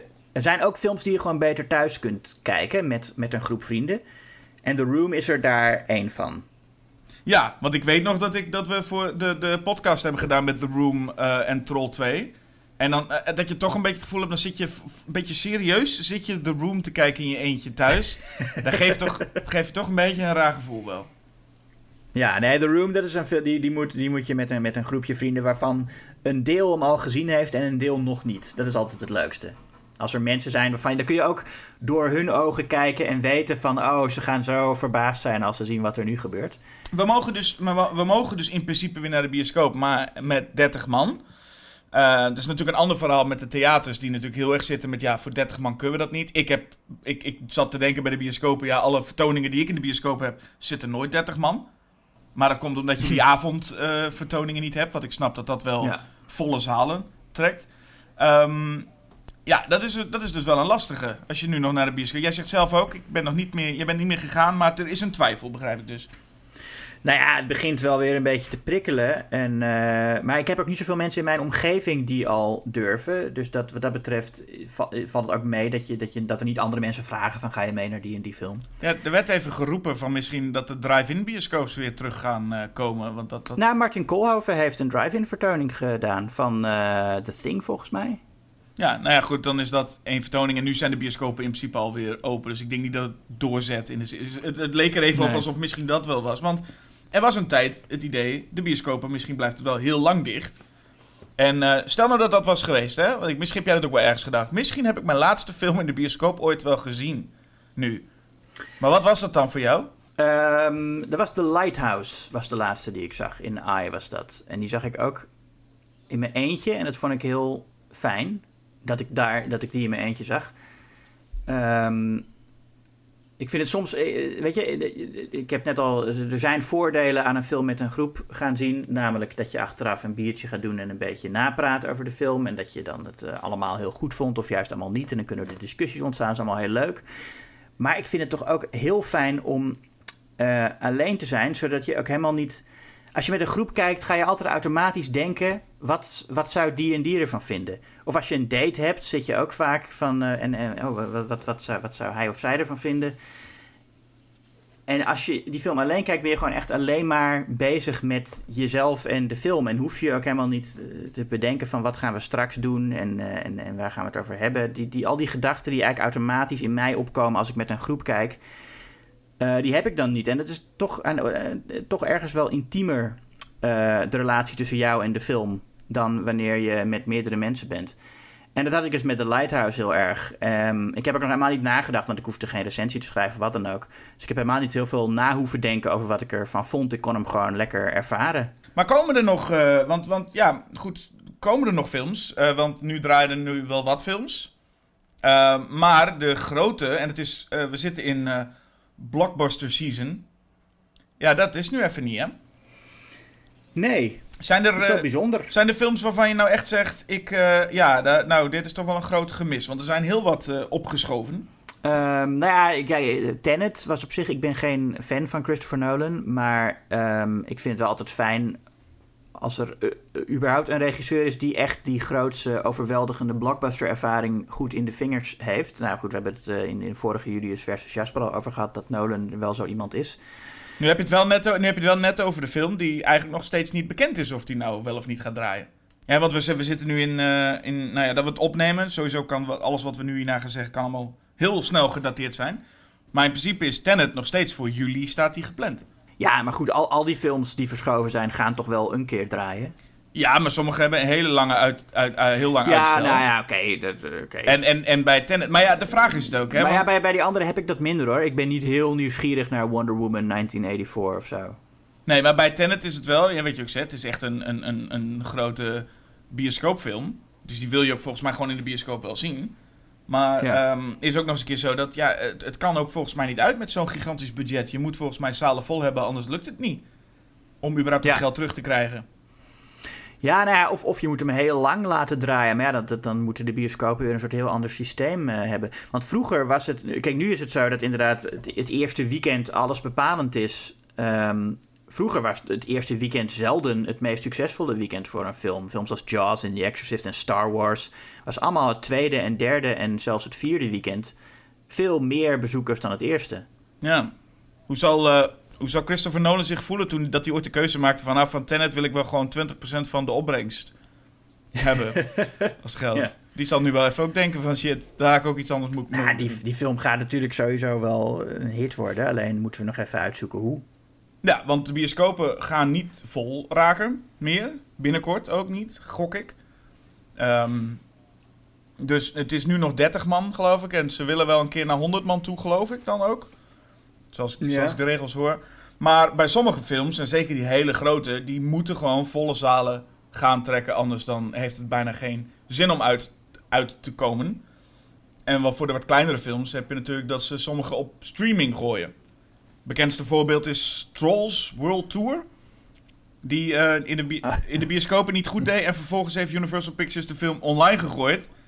En, eh, en daar werd de film een groot succes. En dat resulteerde wel ook in dat eh, de bioscoopketen AMC, die was toen heel boos. En die gaan nu allemaal Universal films boycotten, geloof ik. Dus er is nog een beetje strijd ook tussen bioscoop en, en streaming ook daar gaande. Ja, kijk, het was vroeger nog wel dat een film die het niet goed in de bioscoop deed, eh, op DVD een grote hit kon worden. Dat is met heel veel comedies het geval. Hè? Comedy was echt een, een, een, een DVD-genre, omdat ja, heel, veel mensen hebben blijkbaar niet ons idee dat een comedy leuk is als je met een hele zaal zit te lachen. Maar willen in de bioscoop eh, eh, actie en, en horror zien. En kijken die comedies wel een keer thuis op DVD. Zo ging dat vroeger. En tegenwoordig is dat natuurlijk Netflix. Dat is de reden dat er eh, eh, veel minder comedies in de bioscoop draaien nu. Het is niet dat er geen humor meer is, of wat sommige mensen dan zeggen dat we allemaal te politiek correct zijn geworden. Nee, het is gewoon omdat eh, comedies het op thuismedia beter doen dan in de bioscoop. Ehm, en dat zie, je, nou, dat zie je ook wel met dingen als Trolls World Tour, inderdaad. Ik kan me voorstellen dat eh, je als ouder van kinderen zegt van ja, maar ik ga niet mijn kinderen weer meeslepen naar zo'n naar zo'n naar zo'n naar zo'n trollenfilm. Dat kijken we wel een keer thuis en dan hebben die kinderen zitten dan een twee, zitten dan anderhalf uur naar die film te kijken terwijl ik sta te koken of weet ik veel wat. Ik kan me heel goed voorstellen dat dat de gedachte is die ouders dan hebben. Ja. Een van de eerste die volgens mij verplaatst was, was eh, Quiet Place Part 2. Die zouden volgens mij in maart eigenlijk al ergens eh, kunnen zien. En nu is dat Ja. Eh, later Ja, gegooid.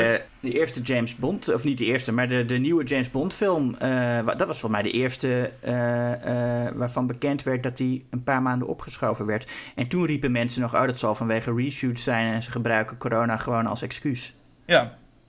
Ja, en, en, en ik zie de, de, de tijden die eraan gegeven worden. Sommige worden een klein beetje opgeschoven. Ik weet dat Wonder Woman gaat nu naar augustus. Dus dan denk je, nou ja, dat is, dat is een gok nog steeds natuurlijk. Want augustus, ja, Ja. Hoe, hoe is het dan? Maar zoals, ehm, eh, wat heel pijnlijk is, zoals Last Night in Soho, waar ik dan voornamelijk naar uitkeek. Die gaat van september Oh ja. nu helemaal naar volgend jaar ergens.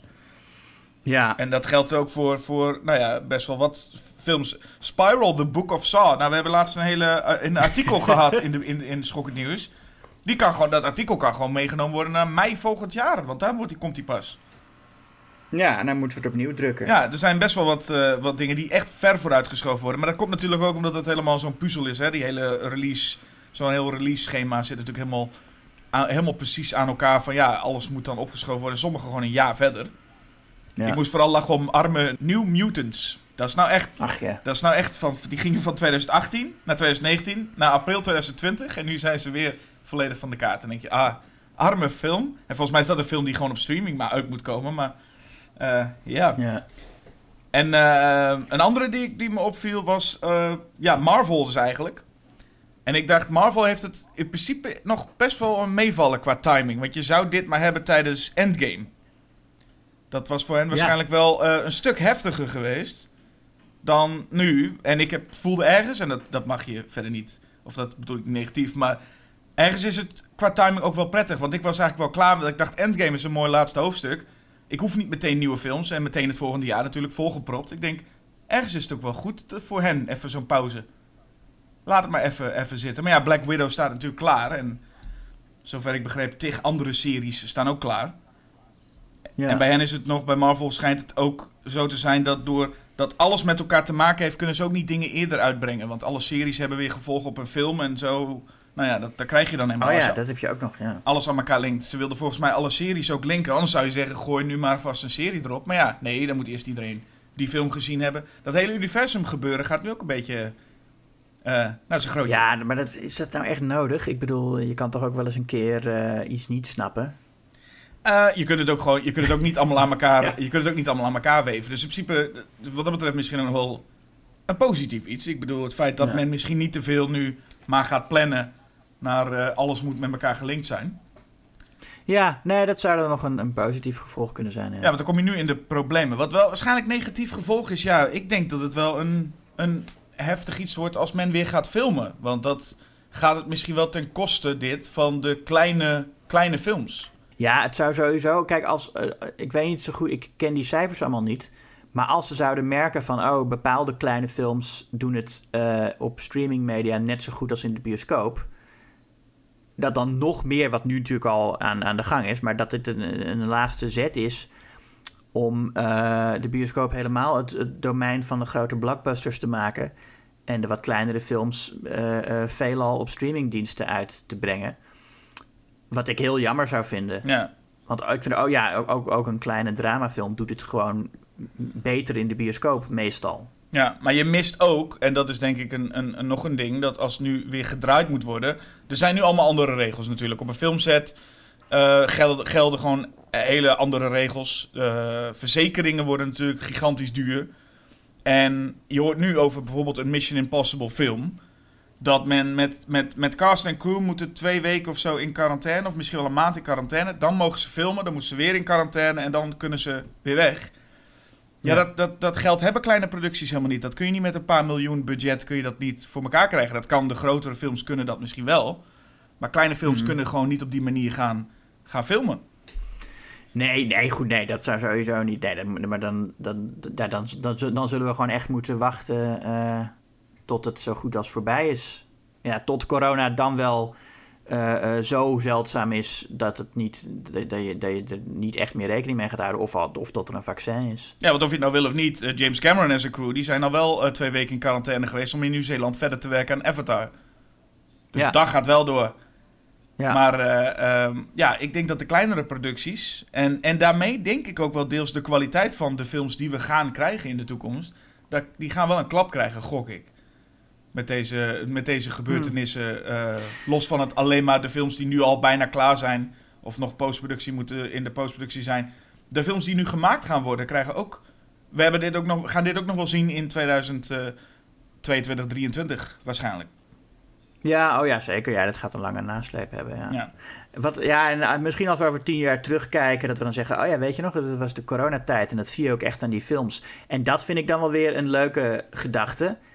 Dat je aan, aan films kunt zien uit welke tijd ze komen. Nou, dat kan natuurlijk sowieso wel. Maar dat als, het, als, het echt, eh, als je echt ook aan die tijd dan denkt: van oh ja, dat was toen, toen dat allemaal gaande was. En daarom is die film zus en zo. Ja, en misschien dat het ook wel doorgezet wordt. Wat ook al iets meer, steeds meer gebeurt, is de, de oudere films weer terug in de bioscoop. Vind ik ook geen gekke. eh, Ja. Oh nee, dat, ik, ik bezoek heel vaak oude films in de bioscoop. Ja, dus misschien wordt dat ook wel... Ik zie dat dat dus ook in een uh, keten als Pathé ook steeds meer gebeurt. Steeds meer klassiekers die even worden, weer worden vertoond. Ja, dat kan natuurlijk ook een reden zijn. hey, je had het net over dat er weer oude films in de, in de bioscoop gaan draaien. Dat lijkt me een mooi bruggetje naar, uh, naar Hedwig's column. Toch? Blast from the Past. Als we het toch over oude films hebben, ja. Welke films moet je dan allemaal gaan zien? Nou, daar kan Hedwig ongetwijfeld meer over vertellen. Ja, kom er maar in. Dit is Hedwig met een beetje een aparte editie van Blast from the Past. Zoals uh, luisteraars weten, bespreek ik meestal één oude film naar aanleiding van een nieuwe release. Maar in deze aflevering kregen wij iets meer tijd, dus ik dacht laten we in plaats van één ding uit het verleden, een reis naar het verleden maken. Ik weet dat heel veel lezers van Schokken Nieuws en ook luisteraars naar deze podcast helemaal geen problemen met oude films. En misschien nog wel er meer kennen dan ik. Maar ik weet dat er ook mensen zijn, onder andere wat jongeren, die het misschien toch een beetje intimiderend vinden. Er zijn zoveel oude films. Waar begin je? Ik denk dat ik erbij kan helpen. Dus waar ik voor heb gekozen is, we gaan uh, in stappen van decennia. Dus we gaan per decennium stapje voor stapje naar het verleden. En dan ga ik eens niet het hebben over de kanon. En met de kanon bedoel ik de films die toch al heel veel mensen hebben gezien. Zoals uh, The Thing en Alien. Als je die nou niet hebt gezien, ga dat vooral doen, want ze zijn fantastisch. Maar ik hoopte hier toch iets meer wat onbekendere titels uit te kunnen lichten. En nou ja, er zijn zoveel films dat ook ik een beetje uh, moest beperken. Dus ik dacht, um, het is niet de aanleiding van een nieuwe release. Maar in het kader van wat er nu allemaal aan de hand is in de wereld, heb ik de films wel een beetje rond een thema gekozen. Want dat zijn allemaal films die pessimistisch zijn, cynisch, waar uh, weinig hoop uitspreekt voor de toekomst. En ik hoop dat op een vreemde manier dit dan toch cumulatief een geruststellend effect heeft in deze chaotische tijden. Want ze dachten dus al veel eerder en veel vaker dat de wereld in brand stond en dat het eigenlijk niet erger kon. Nou, we beginnen onze reis naar het verleden in de jaren 80. Dat is een uh, persoonlijke keuze, want ik ben zelf uit de jaren 80 en ik heb dus ook geen bewuste herinneringen uit dat decennium. Dus voor mij is dat altijd een beetje de grens geweest die ik ook hanteer voor deze column. Dingen die uh, in de jaren 90 zijn uitgekomen, die vind ik niet echt oud genoeg. Al weet ik dat er ook wel mensen die ondertussen de Matrix als klassieker zien. Maar ja, ik maak deze column, dus ik mag dit uh, beslissen. En we beginnen in de jaren 80.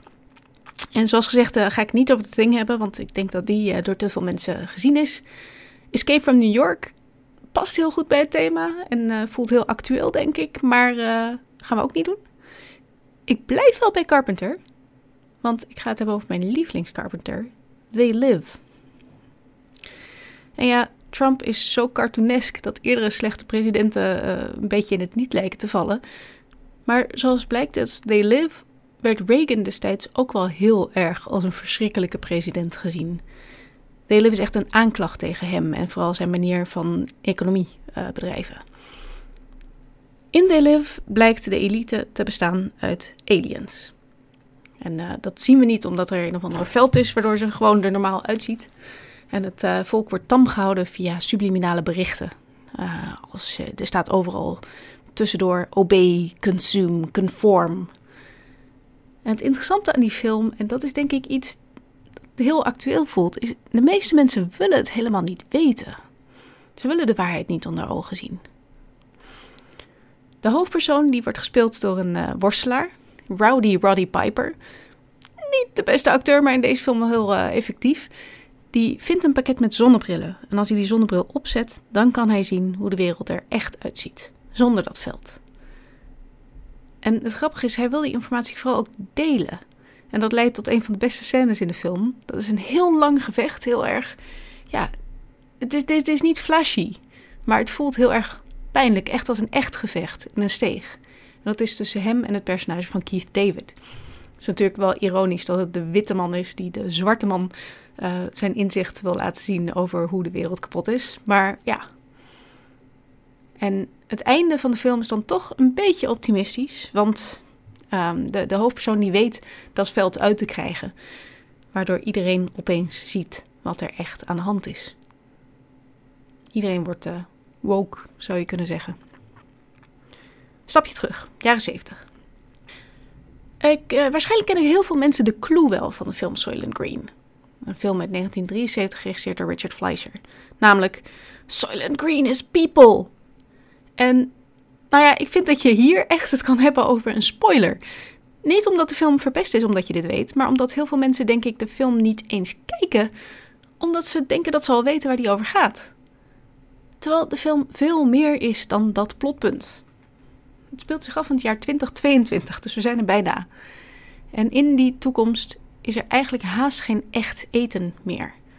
Dat is onbetaalbaar, alleen voor de rijken bereikbaar. De meeste mensen die eten alleen nog maar Soylent. Specifiek Soylent Red en Soylent Yellow. Uh, Soylent komt van soy en lentils, want dat zijn de hoofdingrediënten. En uh, het zijn repen die niet echt ergens naar smaken, maar waar je het op zich op kan overleven. En er is een nieuwe variant, Soylent Green.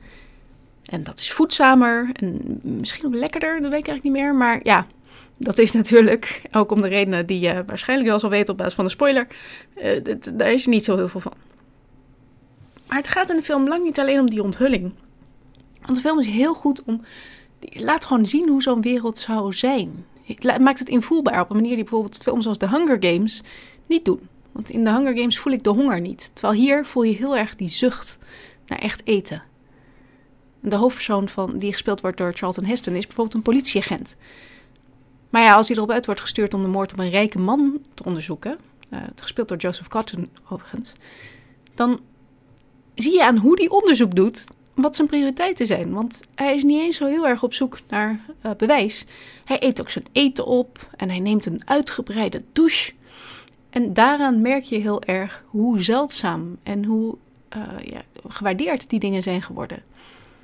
Zijn collega die wordt gespeeld door Edward G. Robinson. Waarvan het ook de laatste rol is. En het is echt een heel, heel mooie, aangrijpende zwanenzang. Die spreekt nog nostalgisch over de goede oude dagen. Die probeert nog steeds, zo goed en zo kwaad als het gaat, eten te maken dat meer is dan alleen brandstof. En wat vooral toont hoe deprimerend die wereld is geworden, is dat euthanasie totaal genormaliseerd is. Er zijn een soort hokjes voor waar je naartoe kan, waar je met mooie beelden op de achtergrond zachtjes kan inslapen. En ja, daar, daar komt dan die Soylent Green vandaan, dat zal niemand verbazen. Maar ja, dat is niet het punt.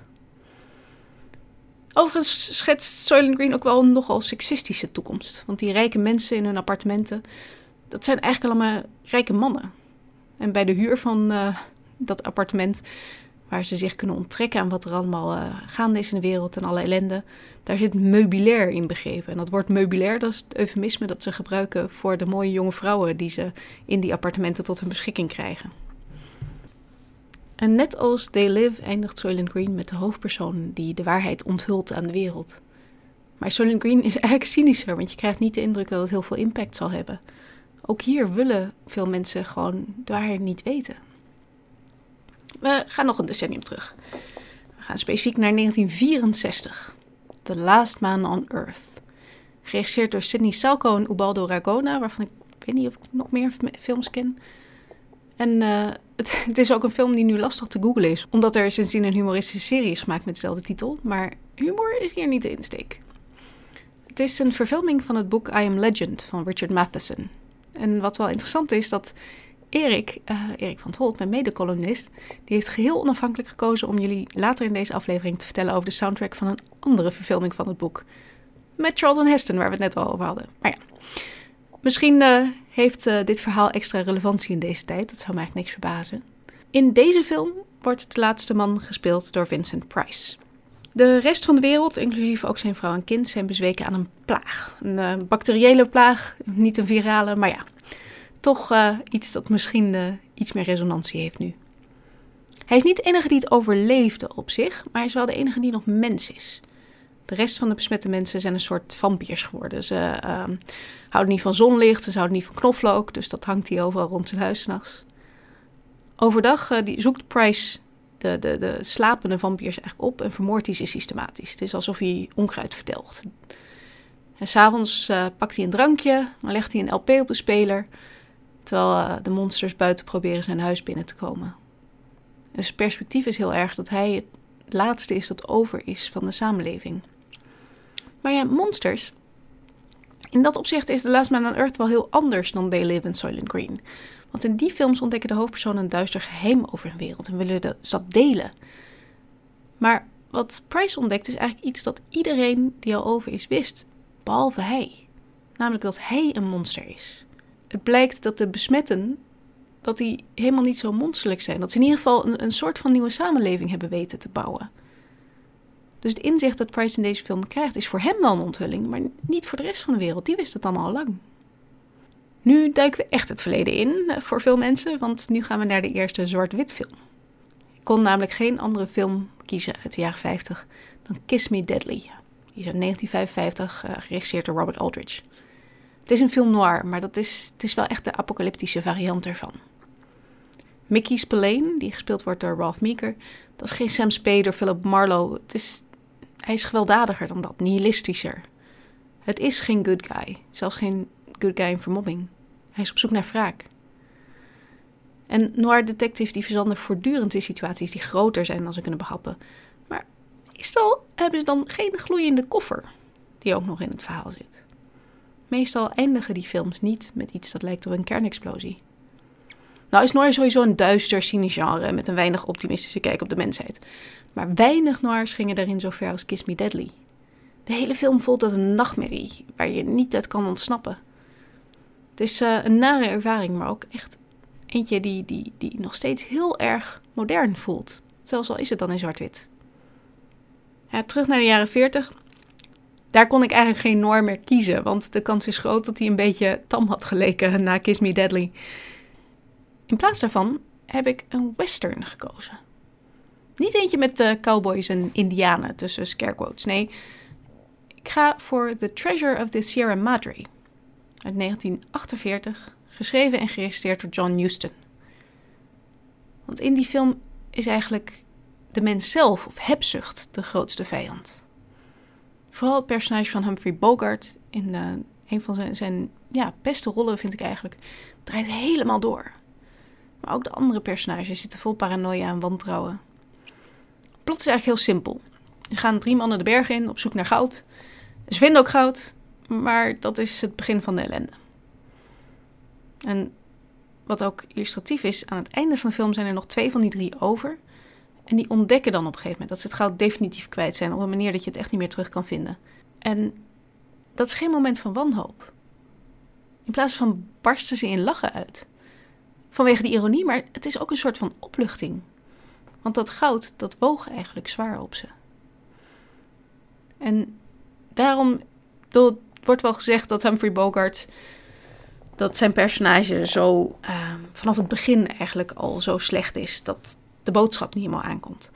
Maar de boodschap is duidelijk wel dat de mens zijn eigen slechtste of zijn, zijn engste vijand zelf is.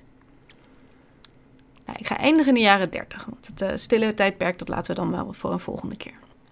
En uh, de jaren 30 waren de hoogtijdagen van de monstersfilm van Universal, maar die passen grotendeels niet echt in deze lijn. Een film die daar wel enigszins in past, dat is Island of Lost Souls. Want daarin is het ook de mens het grootste monster. Het is een verfilming van uh, The Island of Dr. Moreau van H.G. Wells, gemaakt in 1932 door Earl C. Kenton. Charles Lawton speelt Dr. Moreau. En dat is echt een heel beschaafde man. Hij is de hele tijd netjes gekleed in een wit pak. Hij heeft zo'n verzorgde, uh, verzorgde gezichtsbeharing. En als de hoofdpersoon dan gestrand wordt op zijn eiland, wordt hij ook met alle egaars ontvangen. Het is, het is super elegant. En er wordt zelfs een uh, mooi meisje voor aan hem geleverd. Maar ja, er is ook een house of pain waar afgrijzingwekkende schreeuwen vandaan komen. En dat meisje, dat beweegt zich wel erg dierlijk. Het is nu echt onmogelijk om die film te kijken zonder na te denken over kolonialisme. Moreau is ook gekleed als echt een, een karikatuur van de kolonialist. Hij houdt de mensachtige beesten op zijn eiland onder controle door ze zijn wet op te leggen.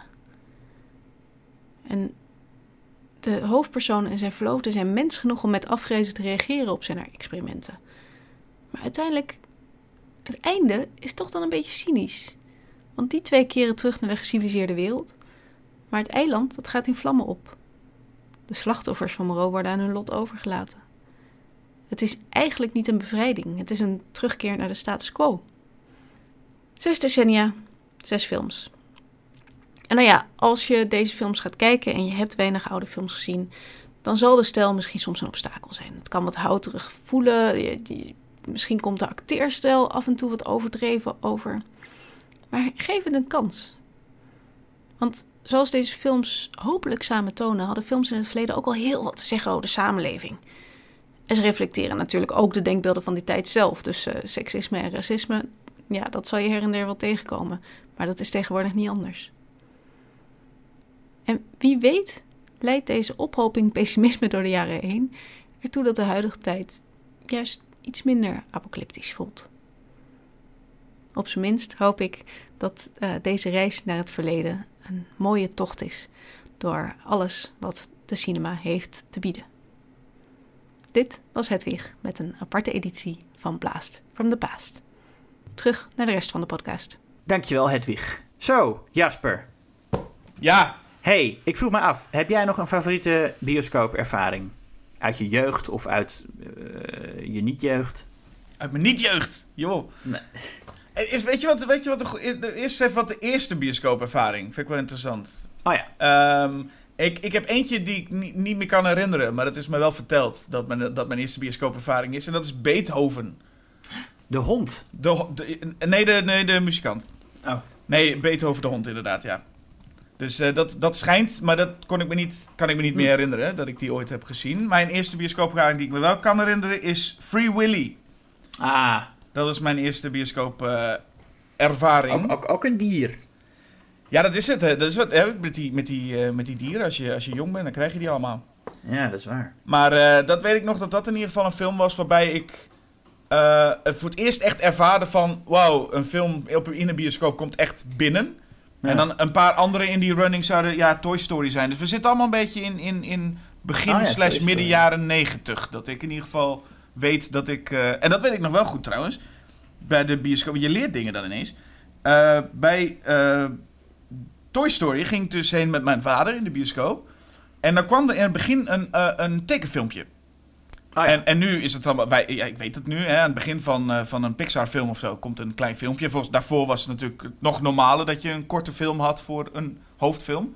ja. Maar ik had dat dus niet door, dus ik zat echt heel panisch steeds te zeggen tegen mijn vader van, we zitten in de verkeerde zaal. We zitten in de verkeerde zaal. En dat bleef ik maar zeggen, want we moeten eruit. Maar hij had dus nog niet door het concept, je krijgt eerst een kort filmpje te zien. In dit geval is het gewoon een 2D-animatie. Ehm, vo- voordat je de echte hoofdfilm krijgt. Nou, wat, wat verkeerde zalen betreft, ehm, ik zou een keer, en toen was ik, het was eh, 1997 eh, volgens mij, dus ik was tien. En toen zou ik met mijn eh, vader en met een vriendje naar eh, Disney's Hercules gaan. En toen zaten we echt in de verkeerde zaal, want we zaten in de grote zaal in Tuschinski. En het, het viel me ook meteen op, die zaal, het was, het was een avondvoorstelling en die zaal zat helemaal vol met volwassenen. En er waren ook allemaal trailers voor, eh, nou, voor volwassene films. En nauwelijks een ander kind te bekennen. Dus wij kregen al een beetje een vermoeden dat dus ik zei van zitten we niet in de verkeerde zaal en het, en het ging maar door. En toen begon de film en dat was toen Titanic. En, en ik kreeg dus al vrij snel door. Ik dacht eerst van, oh, dit is nog een trailer. Maar na, na, na een minuut dacht ik van, nee, dit is gewoon eh, de film. En toen zei ik tegen van, goh, we zitten in de verkeerde zaal. Ik, eh, moeten we niet eh, weg? En toen zei mijn vader, nee, die andere film is toch al lang begonnen. We kijken nu gewoon dit. En eh, toen heb ik Titanic gezien. En dat vond ik, vond ik in eerste instantie helemaal niet... eh, ik, vond het, ik vond het best wel erg dat ik in de verkeerde zaal zat. Maar toch heeft die film mij op een gegeven moment meegesleept. En was dat eh, mijn introductie eh, in de wereld van, zeg maar, de volwassen films. Eh, en ik verdenk mijn vader er nog steeds van dat hij dat expres heeft gedaan. Want het, je gaat, het, moet toch opvallen dat je ten eerste eh, in een zaal vol volwassenen zit. En, en, dan niet, en er waren ook nog geen mobieltjes toen trouwens. Dus mijn moeder vroeg zich ook af waar wij bleven. Want die film duurt drie uur, dus ze had ons al lang eh, terugverwacht. maar eh, nee, ik, maar dat vond ik, ik vond het eigenlijk wel, wel eh, achteraf heel leuk. Ik vond ook toen ik die film zag, vond ik hem geweldig. En, eh, en ik heb nog een tijdje, en, en toen had ook iedereen in de klas ging er naartoe. En het was toen echt het, een be- beetje het, het gesprek van de klas, die film. Ja, ik weet dat ik toen ik de Titanic... Ik ging dan wel bewust er naartoe. Weet nog, ook met mijn vader eh, toen. En ik weet nog dat dat voor het eerst was dat ik mensen in een bioscoop hoorde huilen. Hmm. Ehm, dat heb ik eigenlijk daarna ook nooit heel vaak meer gehoord. Maar eh, dit was echt eentje, daar zaten echt meisjes, volgens mij vooral meisjes toen DiCaprio eh, zonk. Zaten, mij, zaten echt meisjes echt heel hard te huilen. Dat was best, eigenlijk dat was nog best wel indrukwekkend of zo. Dat je dat ook in je eigen, ja, gewoon een rij voor je ineens hoort. Ja, en er werd geklapt na afloop, weet ik ook nog. Ja, dat was ook nog toen. eh, ja, er werd geklapt. Ja, ja, ja. En ik zag dus Titanic, eh, eh, de laatste keer dat ik hem zag, was het he- helemaal tegenovergestelde in het vliegtuig. Eh, en toen zag ik de eerste, eh, eerste anderhalf uur. Ik dacht van dan is die schip, dat schip nog niet aan het zinken. Dan zijn ze nog een beetje lekker aan het kibbelen. En dat, maar dat vond ik, eh, ook, ook daar blijft hij heel goed overeind. Ik vind het nog steeds echt een heel lekkere film. Ik weet dat je daarna op, op, op, op, eh, op eh, dit is even trip down memory lane. Daarna kon je, had je de box. Had je, ken, je dat, ken je dat zender nog? Ja, ja, ja, daar kon je nummertjes aanvragen. Kon je nummers aanvragen? Ik weet dat toen op een gegeven moment was eh, Celine Dion gewoon het testbeeld. Die was gewoon non-stop Oh, ja. in, in, in beeld. Die staat gewoon in je televisie, staat die gewoon in die contouren, staat gewoon in je televisie van, eh, van Celine Dion. Ja. Omdat hij non-stop En- speelde. Ik, ik wist helemaal niet wie zij eh, was, Celine Dion. Toen zei iemand in de klas, de week nog, ik weet nog echt precies dat die uitspraak toen over mij gedaan is. Julius doet wel stoer, maar hij weet niet eens wie Celine Dion is. dat zei een jongetje over mij. Ja. Ja, dat is wel een goeie. Ehm, ik weet ook nog dat ik eh, Space Jam zag. Mm, ja, met een eh, verjaardagspartijtje. en dat was het jaar, het jaar voor eh, eh, Titanic. En dat was ehm, de eerste film die ik me kan herinneren waar ik, die, die ik überhaupt zag. Waardoor ik mij realiseerde dat een film niet per se leuk is. Dat naar de film gaan niet altijd eh, leuk hoeft te zijn. Weet je, al als kind heb je zoiets van ja, een film is altijd gewoon leuk. Een film, alle films die je ziet zijn leuk en je gaat overal in mee. En Space Jam was de eerste film waar ik me echt verdrietig door voelde. En ik weet niet of het nou kwam doordat het cynisme van die film toch eh, doorcijpelde, ondanks de vrolijke Looney Tunes, dat ik toch zag dat het een soort reclamefilmpje was voor iets. Of dat het gewoon het feit is dat het een heel slechte film is. Of dat het misschien wel die muziek van R. Kelly was, waar ik heel droevig van werd. Dat liedje, eh, I Believe I Can Fly, wat ik nog steeds een vreselijk nummer vind. Oh, dus het was wel de kritische Julius die toen kwam. Dat, en toen ontwaakte de criticus in mij. Dat was de eerste film die dat deed, als ik het me goed herinner. Ja, ik kan me, van voor, ik kan me voor Space Jam geen bioscoopervaring herinneren die zo ellendig was. Want ik liet me vroeger echt eh, heel, mooi, heel goed, eh, zoals alle kinderen eigenlijk, echt eh, raakte ik verloren in films. Ik weet ook nog toen ik Toy Story ging zien in de bioscoop. Dat is volgens mij 1995, dus dat Ja. zal, toen was ik, eh, was ik eh, acht of zeven, oud ben ik? Nou ja. Ehm, toen was ik met mijn broer. Mijn broer ging mij meenemen naar de film. En we hadden haast en we moesten weg. En ik had me nog niet aangekleed, want het was ochtends. En ik had nog mijn pyjama aan. En hij zei, kom Julius, we moeten nu gaan. Anders missen we de bus of zo. En ik durf natuurlijk niet te zeggen dat ik eh, me niet had aangekleed. Dus ik heb toen gewoon heel snel mijn jas aange- aangedaan... en gehoopt dat hij niet zag dat ik een pyjamabroek droeg. En toen stond ik daar, stonden daar te wachten... eh, op de bus of op de tram, dat weet ik niet meer... maar in elk geval bij een halte. En ik weet nog heel goed het gevoel hoe de wind zo door die dunne pyjamabroek ging. En dat ik het koud had en dat ik heel oncomfortabel was. En, ook, en, en toen ik ook in, in die zaal ging zitten, ik dacht, oh, ik zit hier in mijn pyjamabroek. Dat, dat, dat kan eigenlijk helemaal niet. Straks, straks komt iemand van de, van, van de bioscoop die er wat van zegt of zo. Komt er een, eh, weet je wel, zo iemand die, die dan met zo'n zaklamp tussen de, tussen, de, tussen de stoelen doorloopt en zegt... Hé, hey, is, is dat, is dat, eh, is een pyjamabroek, man? Dus ik dacht... eh, de- maar toen begon de film en toen was ik het helemaal vergeten. Dus zat ik helemaal in die film. En pas na afloop stonden we weer op de tram te wachten. En toen pas zag mijn broer die broek. Die broek.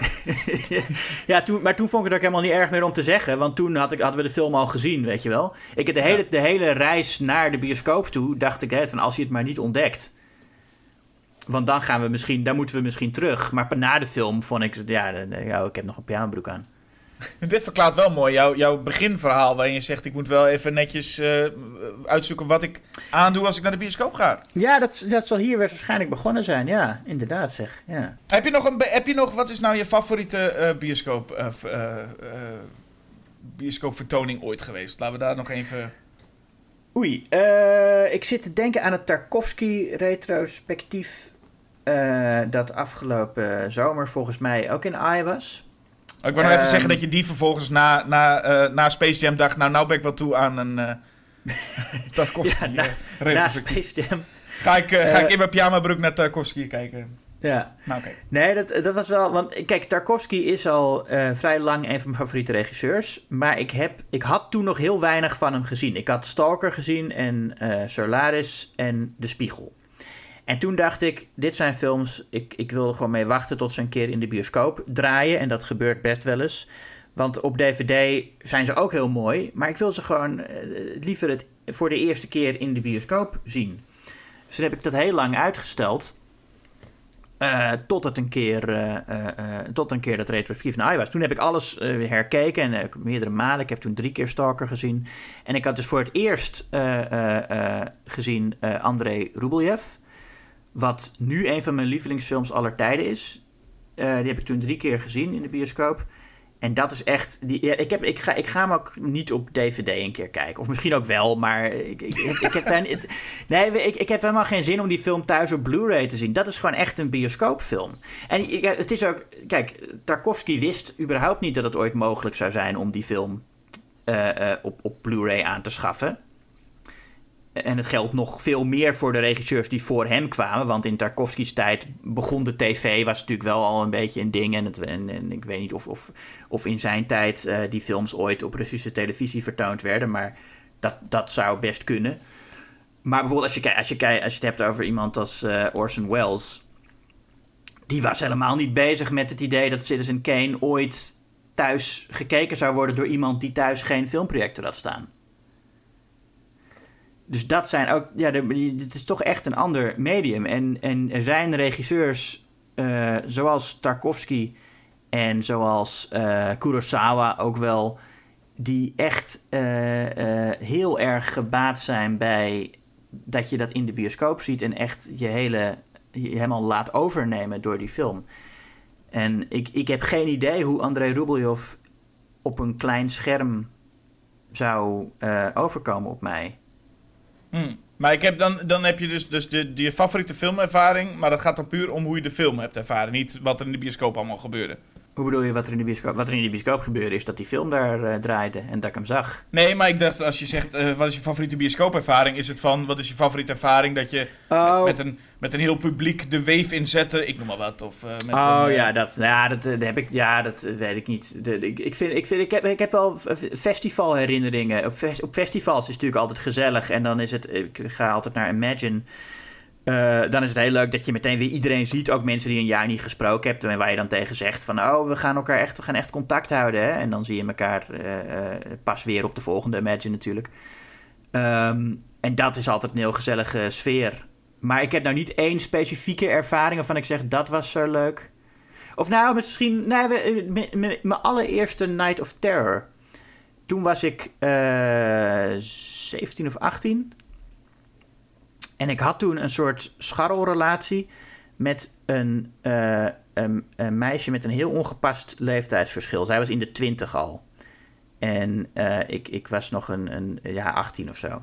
Zo. En toen, en, toen ging ik met haar en haar vriendengroep mee naar eh The Night of Terror. Ehm, en ik woonde toen nog niet in Amsterdam en zij allemaal wel. Dus dat was echt een soort avontuur dat ik voor het eerst, weet je wel, de grote stad met, met studenten.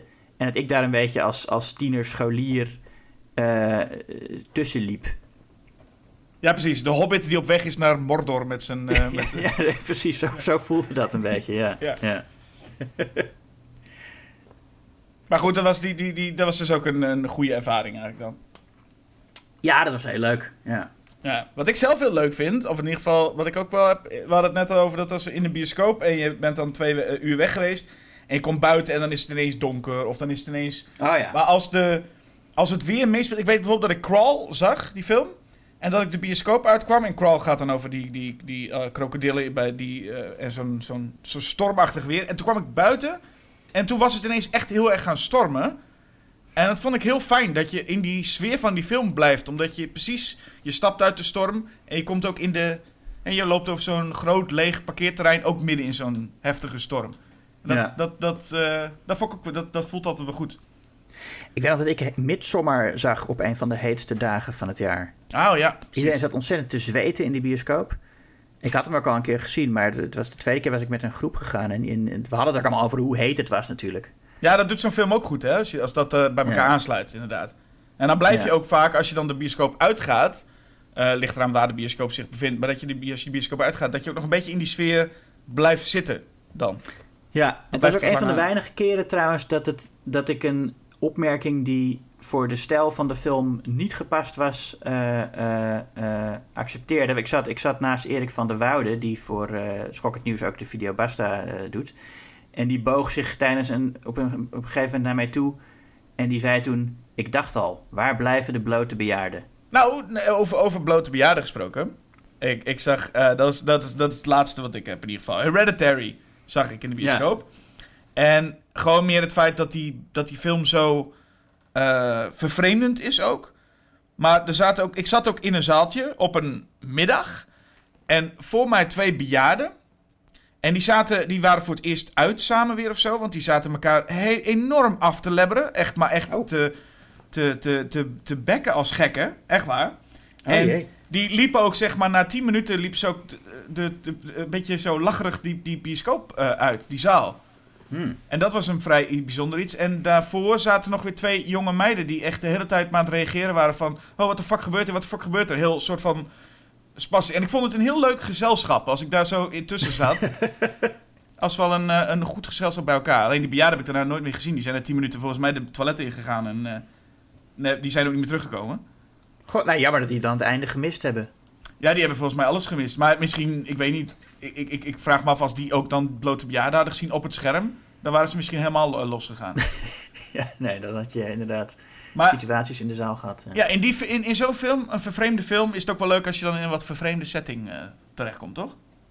Ja, ja, zeker. Ja, Nou, eh, bruggetje. Over blote bejaarden gesproken. ja E- Eh. Erik van Tolt. Ja, nee. ehm, Erik heeft natuurlijk ook wat te vertellen. Eh, en, en, en, en last but not least zou ik bijna zeggen, gaan we naar een stukje muziek. Want dat is altijd fijn om mee te eindigen, toch? Ja, dat is heel fijn. Eh, Erik, je bent, je bent geen blote bejaarde, hoor. Eh, kom er maar in met je muzikale column.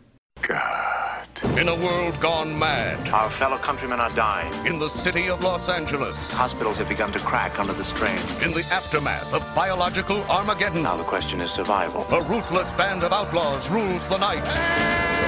But one man rules the day.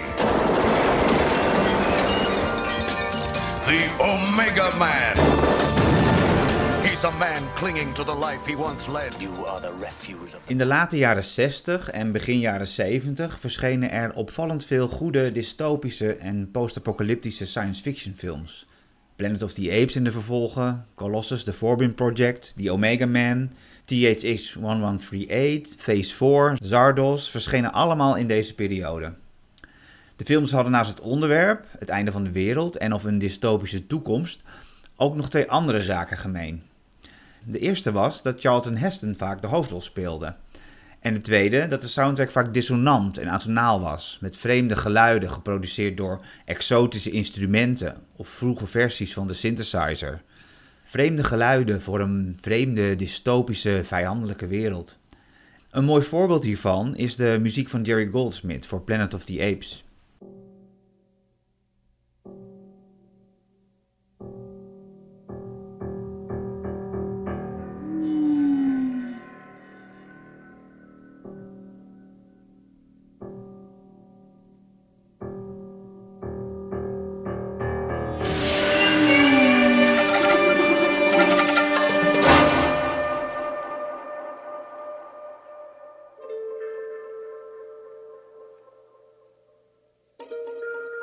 Een interessante uitzondering op die atonale muziektrend is die Omega Man uit 1971. De film is losjes gebaseerd op het boek I Am Legend van Richard Matheson. Zoals jullie zojuist in Blast from the Past van Hedwig hebben kunnen horen, werd het boek voor het eerst verfilmd als The Last Man on Earth met in de hoofdrol Vincent Price. En later nog eens in 2007 met Will Smith. Charlton Heston vertolkt inderdaad de hoofdrol in die Omega Man. Maar de muziek, gecomponeerd door Ron Grainer, is atypisch voor een science fiction film uit deze periode. En dat was een heel bewuste keuze. In een interview ter gelegenheid van de soundtrack release in 2000 vertelde producent Walter Seltzer het volgende hierover. We wanted a certain element of exotic sound, but we didn't want it to sound like a futuristic party. And Ron Grainer got the idea very quickly. The music is melodic and not atonal, which is always a temptation. Ron Grainer's muziek is een mix van pop, lichte jazz, orkestrale muziek, maar ook wat avant-garde geluidseffecten. Daarover later meer. Het belangrijkste kenmerk van de soundtrack is uiteraard die melodische tonale sound die de makers hadden besteld. En melodisch is wat ze kregen. De soundtrack van die Omega Man zit chockvol prachtige tonale thema's. Voor hoofdpersonage Robert Neville componeerde Grainer een melancholische melodie die vooral zijn eenzaamheid benadrukt.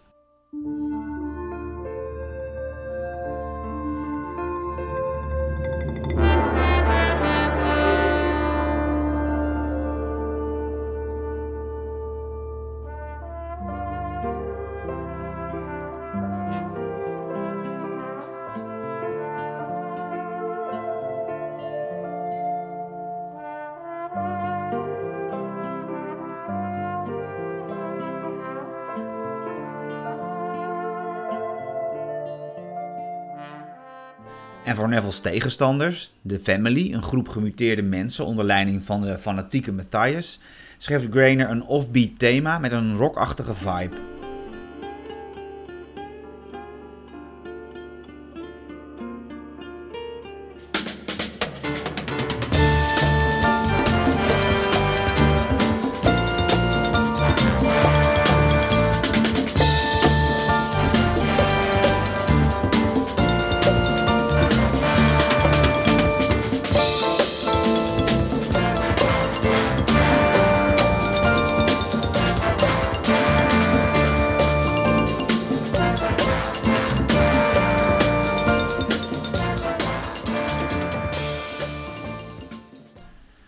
Bekendste en mooiste thema is het enigszins treurige main theme.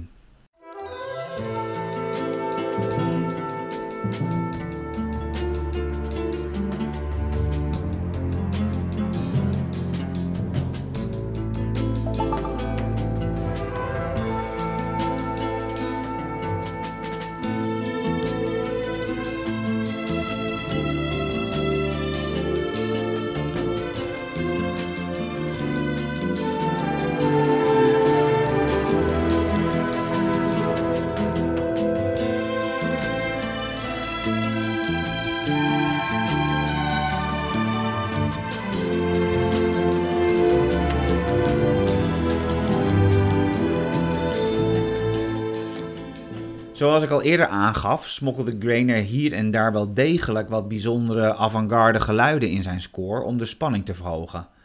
Hij maakte hiervoor gebruik van twee vroege Yamaha synthesizer en een zogenaamde water chime, een percussie-instrument met koperen schijven die voor een deel in water hangen en een belachtig geluid produceren.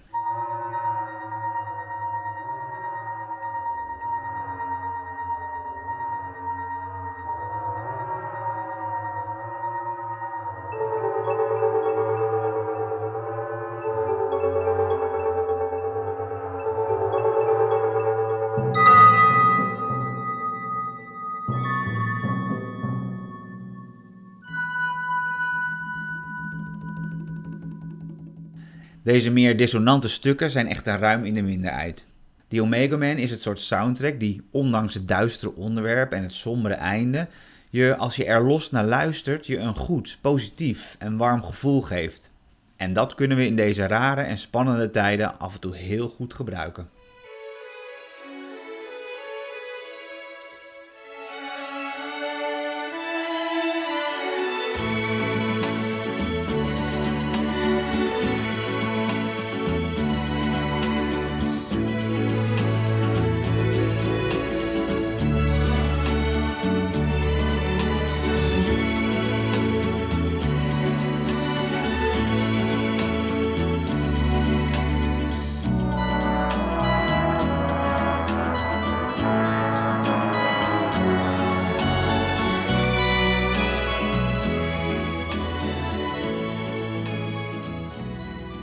Dankjewel Erik. En Nou, Julius, we zijn er. We zijn er, hè? Nou, het is weer eindelijk eens afgelopen. Eh, Ik bedoel, het was weer eindelijk eens een, een reguliere podcast, min of meer. Ja, we hebben in ieder geval weer even van iedereen kunnen horen. En eh, het is de, de- nou, waarschijnlijk niet meteen eh, de terugkeer van de Schokkend Nieuws podcast. Eh, we gaan kijken wanneer we dat weer verder kunnen voortzetten. Ja. Eh, maar het is in ieder geval een teken van leven eh, van, ons, van onze kant allemaal. Eh, de Julius versus Jasper podcast zal nog wel even doorgaan. Eh, en nog belangrijker, het blad gaat natuurlijk ook gewoon door. Ja, zeg, het aankomende nummer eh, gaat over de hel. Ja, abonneer je gewoon. Help ons ook in deze moeilijke tijd. Dat hoor, dat hoor je toch eigenlijk te zeggen aan het einde van zo'n podcast. Ja, we moeten wel, ja, ja precies, ab- abonneer je snel. En kijk daarna ook even op de website, want daar staan ook allemaal leuke dingetjes. Ja, want het is wel, ja, nee, en, en het is natuurlijk eh, eh, dat de bioscopen dicht zijn, leiden wij als blad ook onder qua eh, advertenties die niet door kunnen gaan, omdat het allemaal van bioscoopfilms was of van filmfestivals. Dus wat dat betreft is, is, het, is, is, is de roep. Ik heb het eigenlijk nog nooit, nog nooit gedaan dat ik mensen in een podcast daar verzocht heb te abonneren. Maar het is nu wel belangrijker dan ooit. Dus steun, steun ons ook een beetje. En al is, het, al is het door het in ieder geval te lezen. En je kunt ook gewoon geld doneren trouwens, als je, als je het allemaal leuk vindt. Je kunt, je hoeft, je hoeft, je kunt ook zonder abonnement eh, gewoon een keer een paar euro doneren. Ja, dat scheelt ook, hoef je dat hele blad niet te lezen en zo. Dat is ook, is ook, dat scheelt ook weer een hoop. Nee, hoe dan ook, eh, we gaan gewoon door. Maar eh, alle steun is welkom. En nou ja, hopelijk kunnen we over een tijdje weer met z'n allen naar de bioscoop. En dan, ja, dan zal, zien we jullie daar. Dan zien we, zien we jullie daar. Tot in ieder geval de volgende keer. Dat was dit, dit was Jasper. En, En dit was, dit, dit was Jasper. Ja, en ik ben Julius. Jij bent Julius, ja. En, en, en Julius doet nog wel stoer. Maar, maar hij, weet niet, hij weet niet eens wie Celine Dion is. Ja, Oké. zo is het. Eh, tot de volgende keer. Doeg.